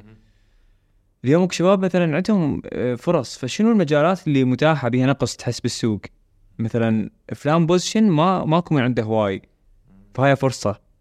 شنو ال positionات المتاحة؟ شوف بصوره عامه أنا من من بها سمعت إنه ماكو product photography أنا ما رحت أسوي product photography لأنه هو ماكو. أوكي هو هاي فرصة أدخل بيها لكن أنا كان ببالي أسوي art direction أوكي هذا المنفذ الجديد البداية. الوحيد اللي أقدر أسوي بيه art direction من غير ان احاسب لأن حتى لو تغلط أكو Photoshop reflection زايد شغلة زايدة ناقصة. زين؟ فاعتبرت نفسي محظوظ إنه بديت هيك بداية. positions ببغداد أو بالعراق كلش هوايه اكو positions بنقص. يعني مثلا sound recorder ما عندنا boomer ما عندنا قليلين. focus puller ما عندنا مديرين تصوير قليل جدا. يعني معدودين قلت لك ممكن تعرفين للناس اللي يردون يفوتون بهاي الأشياء؟ يعني أي أي أي شخص راح يدخل ال set كمتدرب راح يقدر يعرف وين اكو نقص بال set. راح يسمع منا ومنا ومنا. بس أنت لازم تاخذ ال risk وتروح آه، تدخل ب set. أكو هواي شباب يعني على الإنستغرام على ال social media يكتبوا لي إنه يلا نريد نجي نريد ندخل set وياكم ما أعرف شنو. من تجي من يجي وقت الفرصة لو يعتذر لو ما يجي لو يجي ساعة ويطلع لا حبيبي أنت إذا ال production استمر شهر تبقى شهر ما أعرف ما أدري. إحنا راح نوفر لك نقل ممكن وأكل وشرب. والباقي أنت شو وقت؟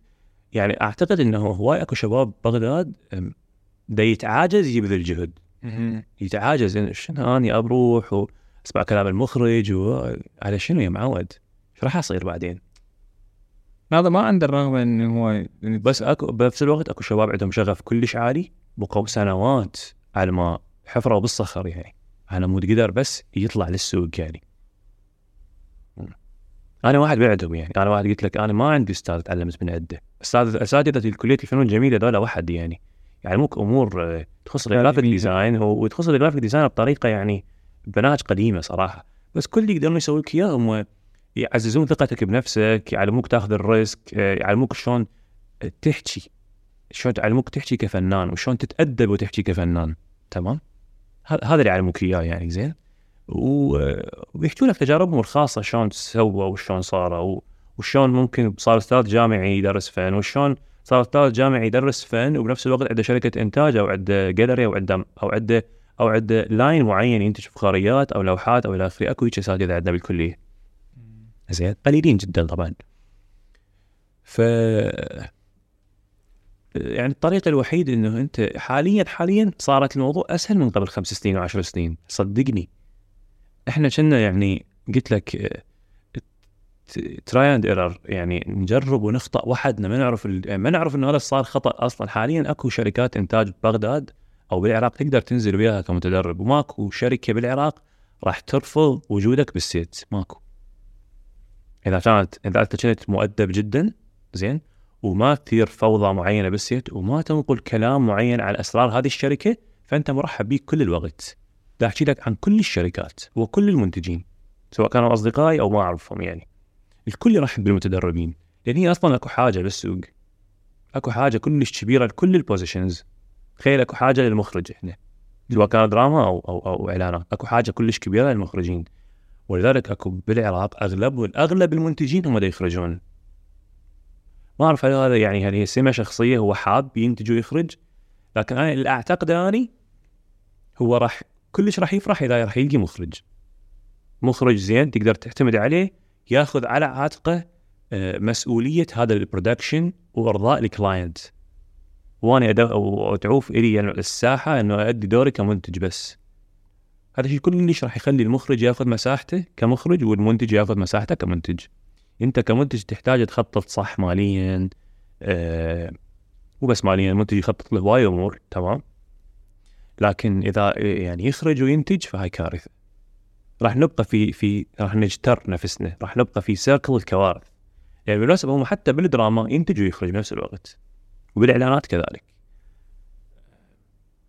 ربما إحنا لأن سوقنا بعده صغير فبعد المنتج ما يريد يصنع منتجين جدد أو مخرجين جدد فيضطر يخرج وينتج على مود يقلل فرصة آه، تكوين هذا ال position اللي هو المنتج أو المخرج اللي هم اثنيناتهم يعتبرون يعني شلون أقول لك ما- ماكو واحد بال set مو مهم الكل بعمليه الانتاج مهم لكن شايف إنه أنت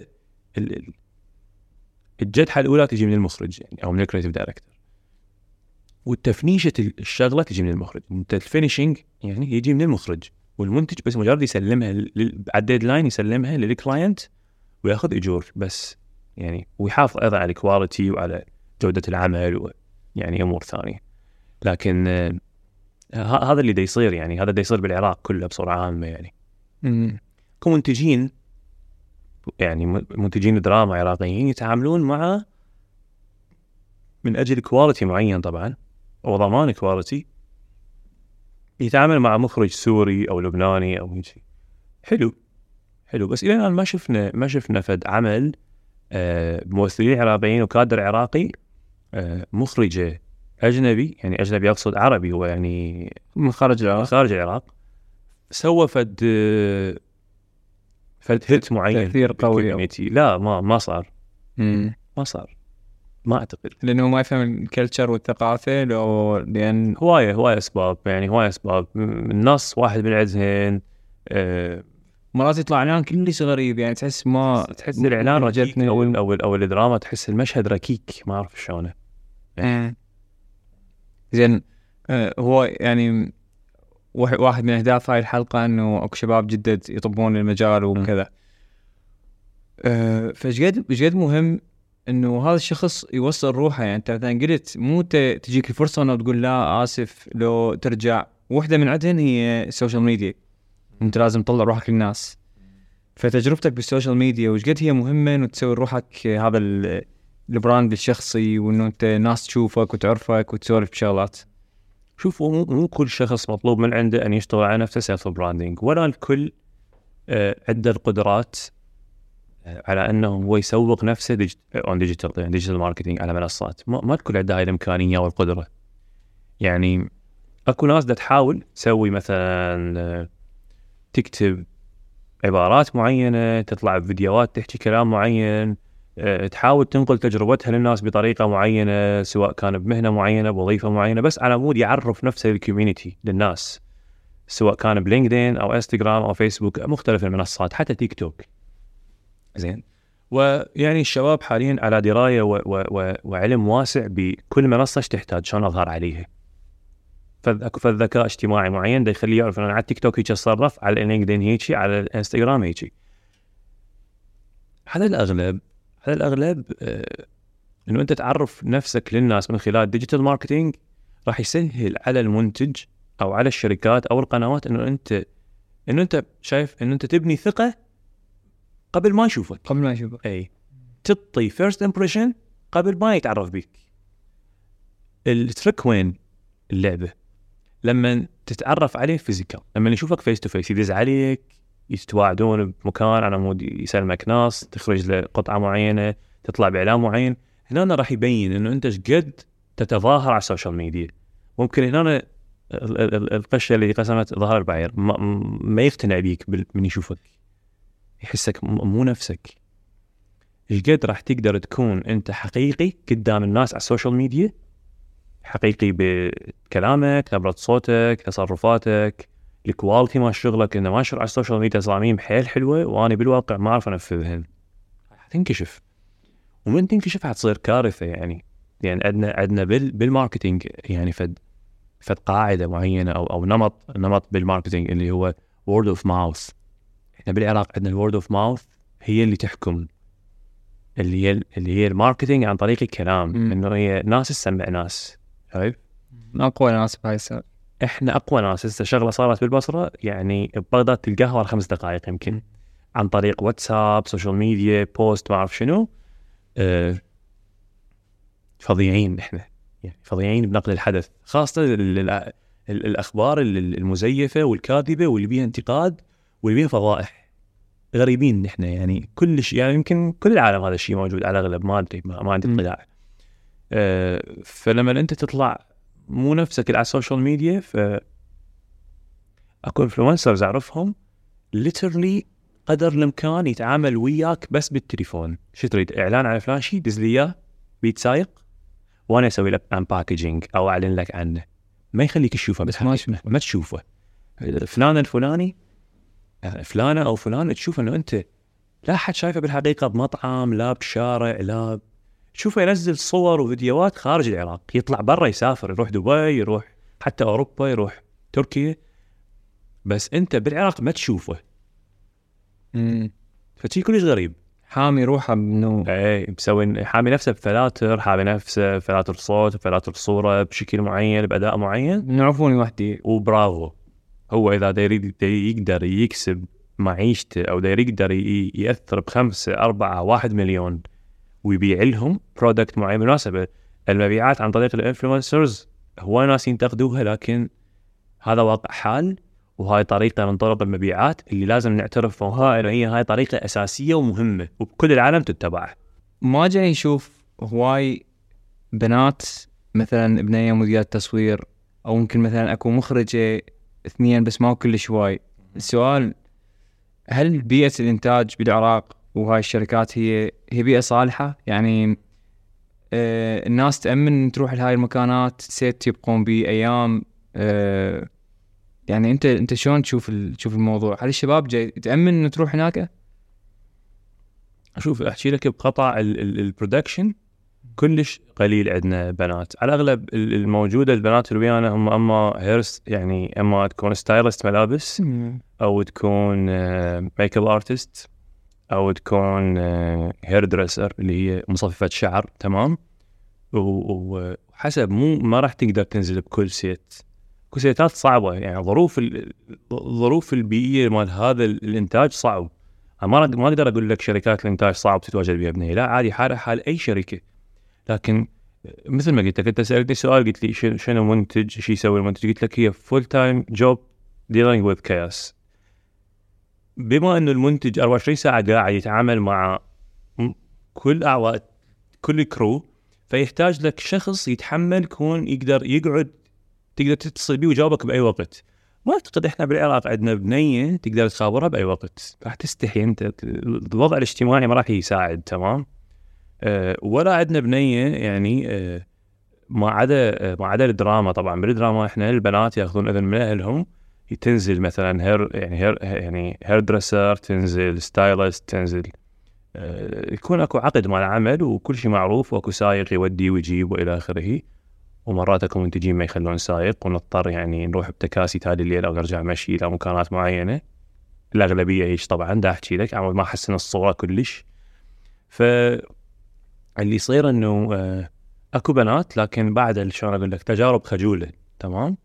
وأكو يعني مثلا أنا كارت دايركتر كان عندي مساعدة إلى الآن أقول إنه اشتغلت شغل بعدال خمس ولد خمس شباب من اللي عندي. مستحيل يعني فاهمة بالكلر فاهمة بالأثاث فاهمة بالستايلات آه هاندي مان تخيل تخلي هناك اكوش وبلايز وشناطات وما أعرف شنو تحل لك أي مشكلة اون سيت حرامات سافرت تترس يعني مو حرامات لا بس يعني حرامات إنه أنا خسرتها حاليا. لكن هي ك هي فهمت ال- يعني فهمت شنو ال- ال- المغزى من الأرت دايركشن وفهمت اختارت مكان كلش صح تدرس فيه يعني راحت لأوروبا. فشي فتجربه ممتازة حيصير عندها إن شاء الله. أه بس هي المهن بصورة عامة بالعراق بما إن الوضع الاقتصادي والسياسي ووضعيه البلد ال- الأمنية يعني ما ما أريد أقول لك إنه إحنا ببغداد عايشين وضع أمني غير مستتب. الحمد لله يعني حاليا أو قبل سنتين أو ثلاثة بد- بدأ الوضع الأمني يعني يصير يعني يت- يتحسن. لكن يبقى أكو ال- ال- ال stereotype النمط إنه دائما العائلة تخاف على أولادها إنه يتأخرون خارج البيت. مو بس بمجال ال production بكل مجالات الشغل طبعا بصورة عامة. فكيف أنت قاعد تتعامل مع مهنة أو وظيفة أو position مطلوب من عندك تبقى مرات إحنا نبقى 32 ساعة تصوير يومين متتالية يعني على الأغلب على الأغلب تليفونك لو صامت لو طيران. يعني إحنا ما راح نقدر نأثر على ال equipments لا على الكاميرا ولا على الصوت ولا على أداء الممثل ولا على المخرج. ولازم نسمع يعني نسمع إيعازات المخرج يطيرينها بأي لحظة تعطي ملاحظة. فما راح أقدر أفتح تليفوني وأكون on set أو أقدر أحكي وياهم وأكون on set هاي شيء صعب. صعب مو بس بالعراق كل مكان بالعالم. زين؟ فممكن بمرور الوقت يعني. أنا أعرف هسه هواي بنات بدأوا يدخلون لهذه المهنة حتى إدارة إنتاج يعني تمام؟ أو محاسبة on set أو يعني تعرف؟ أو مساعد مخرج. أو مخرجة. إحنا عندنا مخرجة إعلانات ببغداد. ممتازة أعتبر. جربت وياها تجربة معينة. مسبقا كانت مشتغلة مساعد مخرج. وعندها تجارب بالدراما تنزل دراما مخرج منفذ ممتاز. ويعني لكن السوق يكبر شوي شوي. ودائما إنه كل ما يجون جيل ويجون أشخاص يدفعون ضريبة التأسيس لمهنة معينة أو لمجال معين زين أو أو لتخصص معين راح يزدهر ويكبر هذا المجال. تمام؟ اي وال الدراما انت أنت جربت يعني خذت بيها غير غير الإعلانات.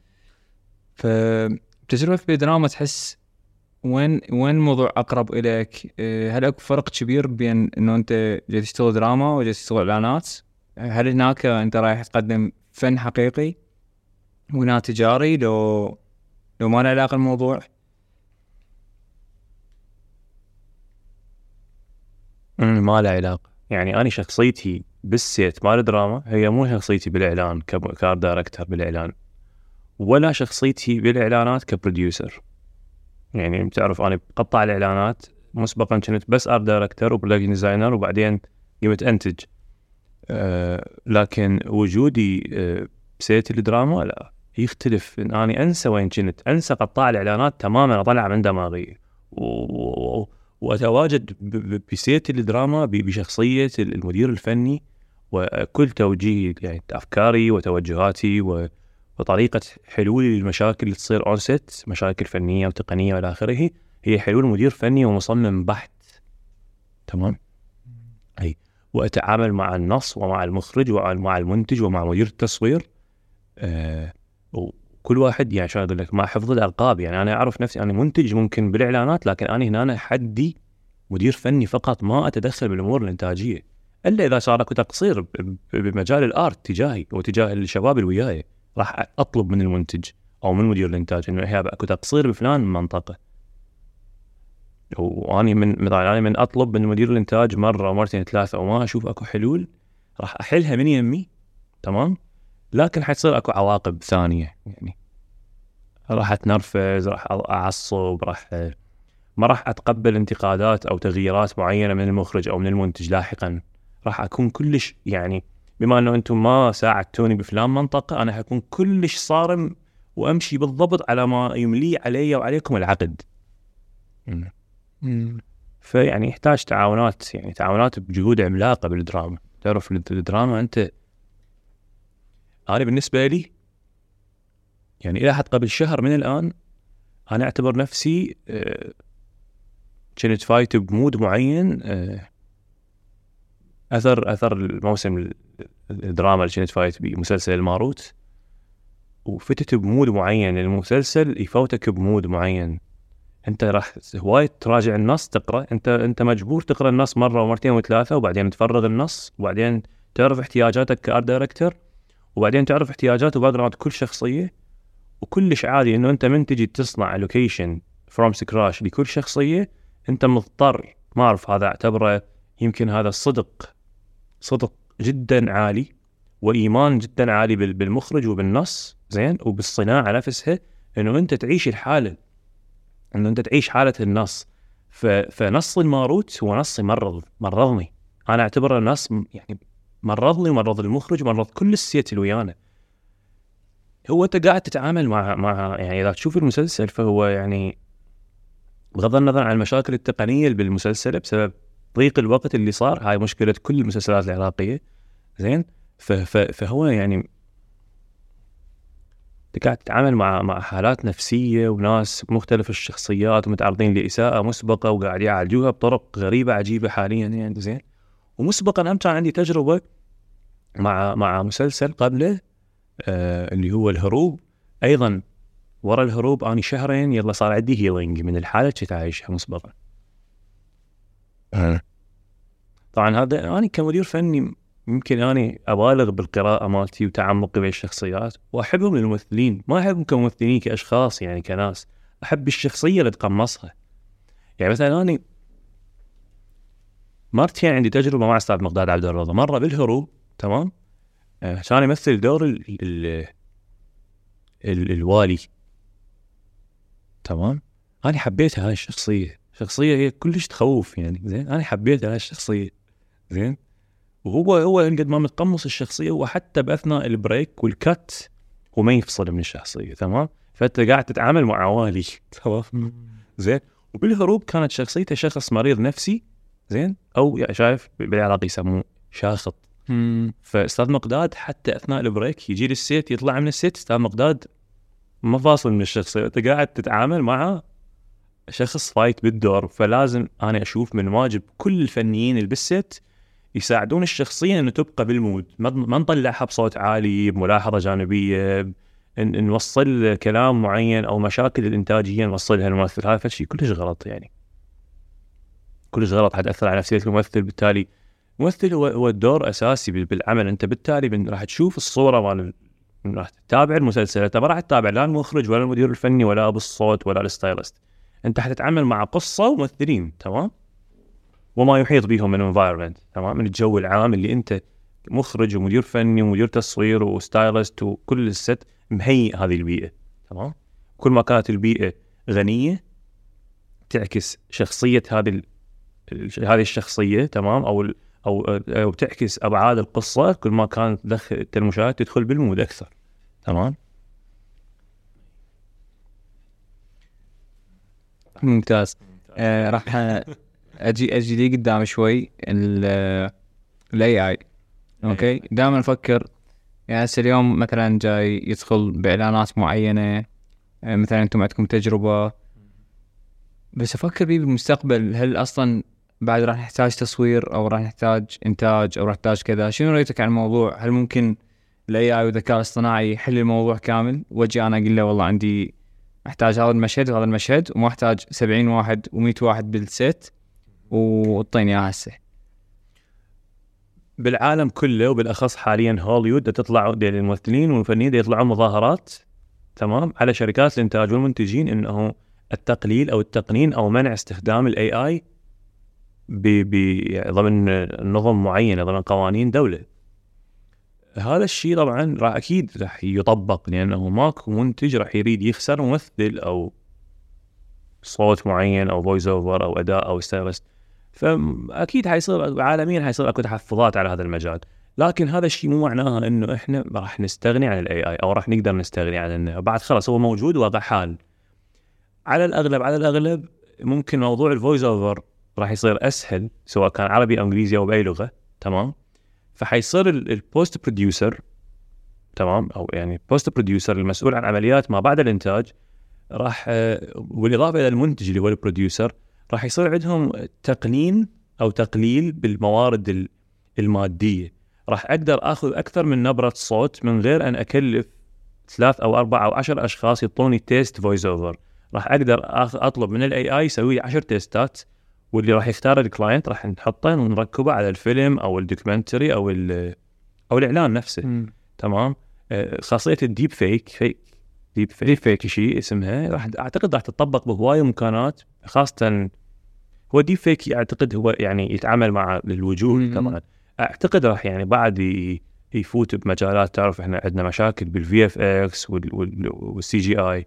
ف why not إنه نوظف ال AI ويساعدنا بالأمور اللي يحتاج لها VFX أحسن مما القطعة تطول سنة بيد ال بيد ال 3D designer أو ال character animator أو حسب ال position زين. ليش ما تاخذ لها بمكان السنة؟ تخلص بشهر أو شهرين. وين المشكلة؟ بالعكس خلها اسرع عمليات الإنتاج اني ليش ما هو هذا نفس ال animator أو ال 3D designer يروح يتعلم how to deal with AI ويسرع من من شغله؟ لأن أنت ما راح تقدر توقف ال AI أو تمنعه. خلاص. حقيقة صارت حالها حال الكمبيوتر دخل للبيوت وللشركات وصار systems والموبايلات ك devices دخلت صارت أجهزة شخصية وبعدين صار أجهزة لوحية. وخلص هذا فد يعني فد اختراع معين. ممكن أكو باكر عقبه يصير أكو فد device معين بكل خواص ال AI هو صار مالتك ال assistant يصير جزء من الموبايل ال AI تمام؟ هذا الشيء يعني أعتقد حتى هسه مايكروسوفت أعتقد لو مايكروسوفت لو سامسونج.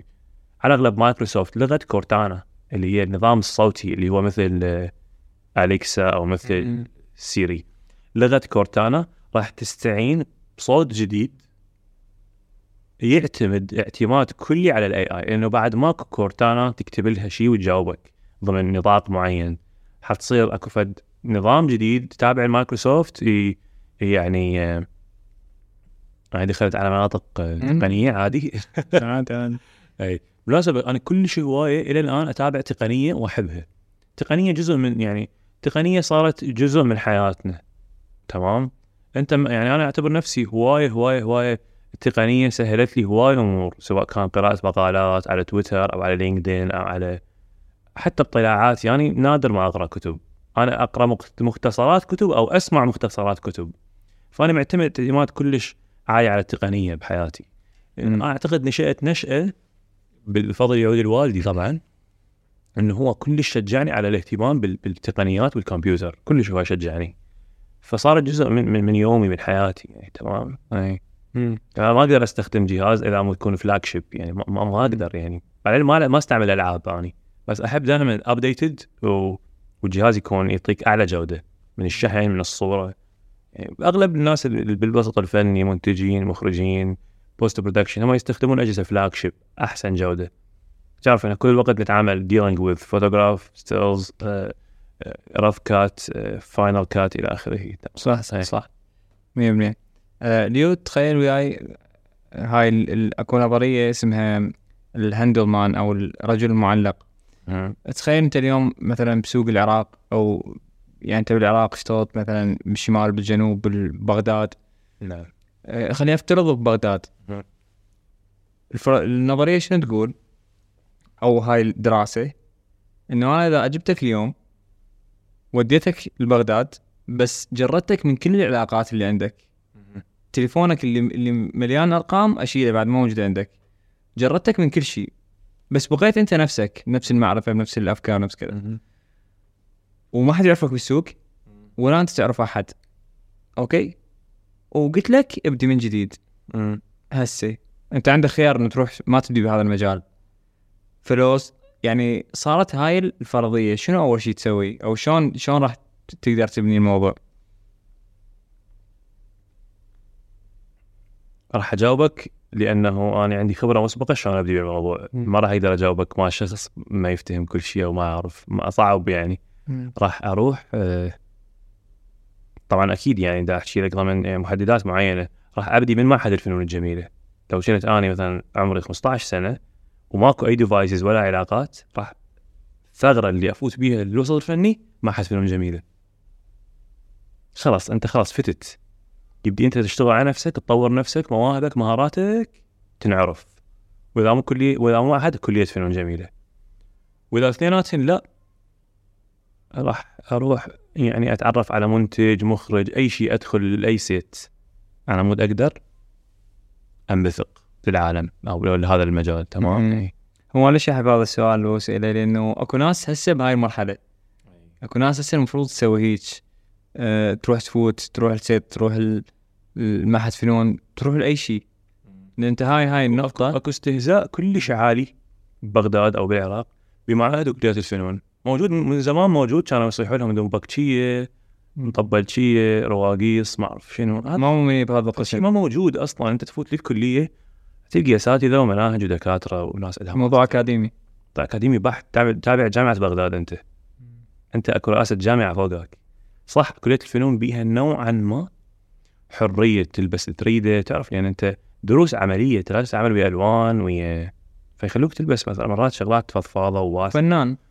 يعني هو عماده كليه الفنون يعني مشكورة إنه هي تخلي الطالب كليه الفنون مو شرط كل السنة يلبس زي يمكن بالبدايه بداية السنة ورا نص السنة شوي تفرض أشياء معينة قوانين بس مود تبين لك إنه إحنا ترى إحنا جامعة رصينه لكن مرور الأيام والوقت وأثناء الدراسة ال- ال deep تمام؟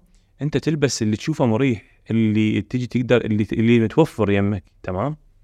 اي وهذا الشيء يعني قسم المسرح لازم يلبسون ألبسة معينة قسم التشكيلي ألبسة معينة قسم التصميم ما تقدر تكشخ بيه لأن أنت قاعد تتعامل مع material وحفر وخشب ويمكن تقدر تكشخ بالأيام اللي أو تلبس رسمي أو أو زي موحد بالأيام اللي بيها دروس نظرية فقط يعني. أوكي زين. آه، ليو آه، بمرحلة معينة أنت جاي تسوي تجارب بمكان معين آه، بمحيط معين. بس لما تطلع من هذا المحيط تروح لناس مختلفين تجارب مختلفة. واصلا بحد ذاتها هي تجربة جديدة عليك. شو الأشياء اللي اللي كسبتها من تجربة فيلم طويل مدينة جديدة مضطر تسكن تتعامل ويا ناس من برا؟ شلون كنت تعاطي الموضوع؟ شوف التعامل مع ناس غربة أجانب ومدينة جديدة خايضة مسبقا. يعني خايضة قبل ما آه، قبل تجربة الفيلم الطويل بسنوات. من كنت بالصين فترة. وعندي الموضوع طبيعي إنه أتعامل مع ناس مو من جنسيتي وغير لغة. هذا الموضوع أنا يعني متجاوزه. لكن أنت تتعامل مع set احترافي إنه أنت ما نازل مسبقا ب set يحتوي على كل ال positions اللي تعرفها ولا ما تعرفها. يعني ما كنت تعرف يعني شنو DIT ولا كنت تعرف شنو focus puller ولا كنت أعرف وظيفة الجاذر الحقيقية شنو. جاذر اللي هو يعني إحنا ببالنا يصيحوا له مدير إضاءة. وأكو ناس تقول لا هو ماكو مدير إضاءة هو نفسه مدير التصوير فالجاذر هو هو الشخص المسؤول عن توزيع تقنية توزيع ال light. بالتعاون مع مدير التصوير. رأي ال DOP هو اللي يفرض lighting الصورة بحسب السيناريو واتفاق مع المخرج والجاذر هو الشخص اللي يقود فريق ال lighting تمام؟ وفهمت يعني شنو continuity اللي إحنا نسميه raccord. وفهمت شنو شنو system لل continuity وفهمت مدى أهمية العقود بالسيت ومدى مدى أهمية احترام ساعات التصوير أو ساعات العمل. أنت ما تقدر تعبر العشر ساعات لازم إذا تعبر تستأذن السيت تستأذن الجميع. إنه هل بإمكاننا أن نصور بعد ساعة أو ساعتين؟ بإمكانك أن ترفض بدون زعل. عادي طبيعي. أه ال set اللي نازل بيه هو يعني كان بالمخرجة عراقية الأصل و production designer عراقية ومساعد المخرج عراقي الأصل لكن إذا أحكي لك يعني الشخص الوحيد اللي اللي بس من بغداد بحت هو production designer وأني فقط. أه تجربة رائعة كانت أتعامل مع شخص فرنسي شخص بريطاني شخص إيراني شخص من كردستان. أه تحكي لك شخص من كردستان الاشخاص اللي غير ناطقين باللغة العربية يتكلم بس كردي بحت يعني أنت لازم تحكي إنجليزي وياه كل الوقت ولازم ت... الكل يتفاهم على إنتاج هذا الفيلم تمام؟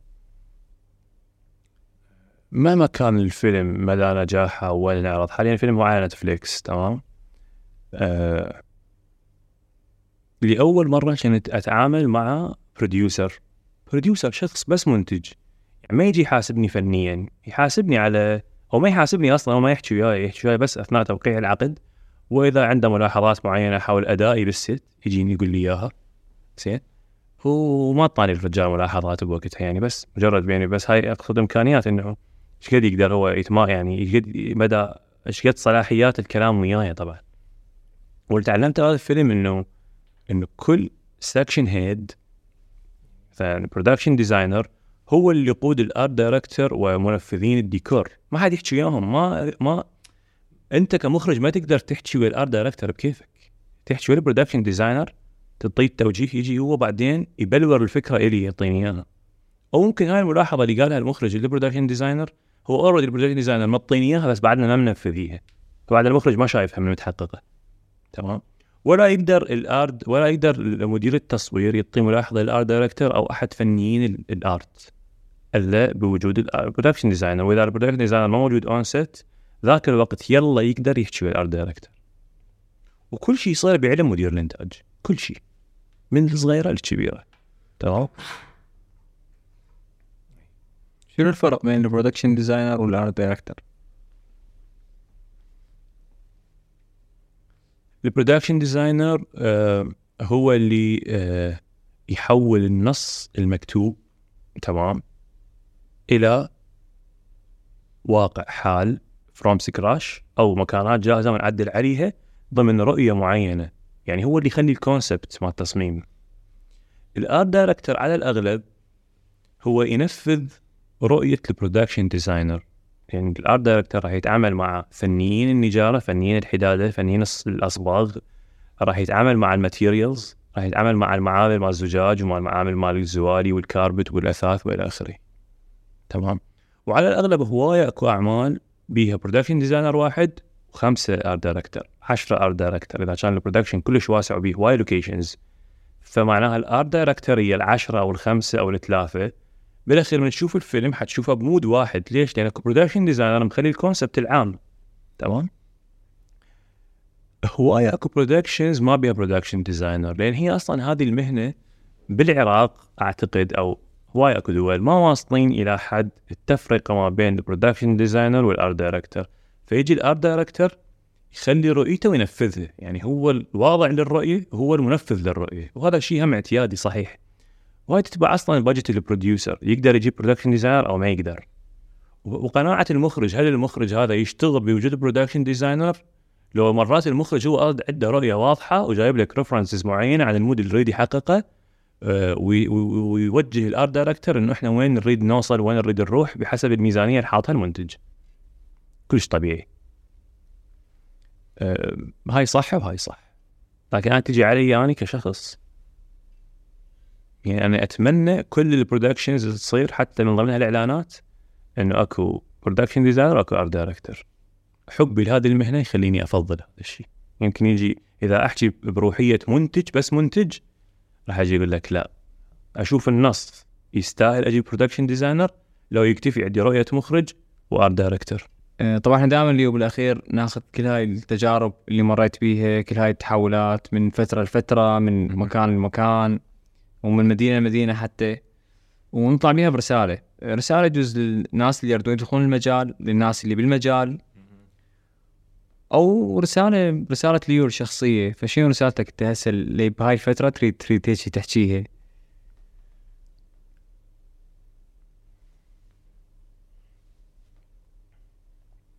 أكو أكو عبارة يقول اياها والدي دائما محفورة بدماغي. أول شيء العبارة بعدين راح أقول لك إياها شنو أول خطوة تسويها هي المجازفة إن أنت لازم تأخذ ال risk. لازم تجازف وتشتغل أعمل إنتاج لازم تجازف وتشتغل أبو light لازم تجازف وتشتغل مدير تصوير خلاص إلزم الماكينة إلزم الكاميرا إلزم أي device تعلم حيثياته وخلاص ابدي اشتغل بالموضوع اخطأ وجرب. وضروري يكون عندك فريق تجرب وياه تخطون سويه حلو الشغل ويا الجروبات والأصدقاء على وراها تقدر تجازف والمجازفة الأكبر وتروح ل group غريب تشتغل وياهم.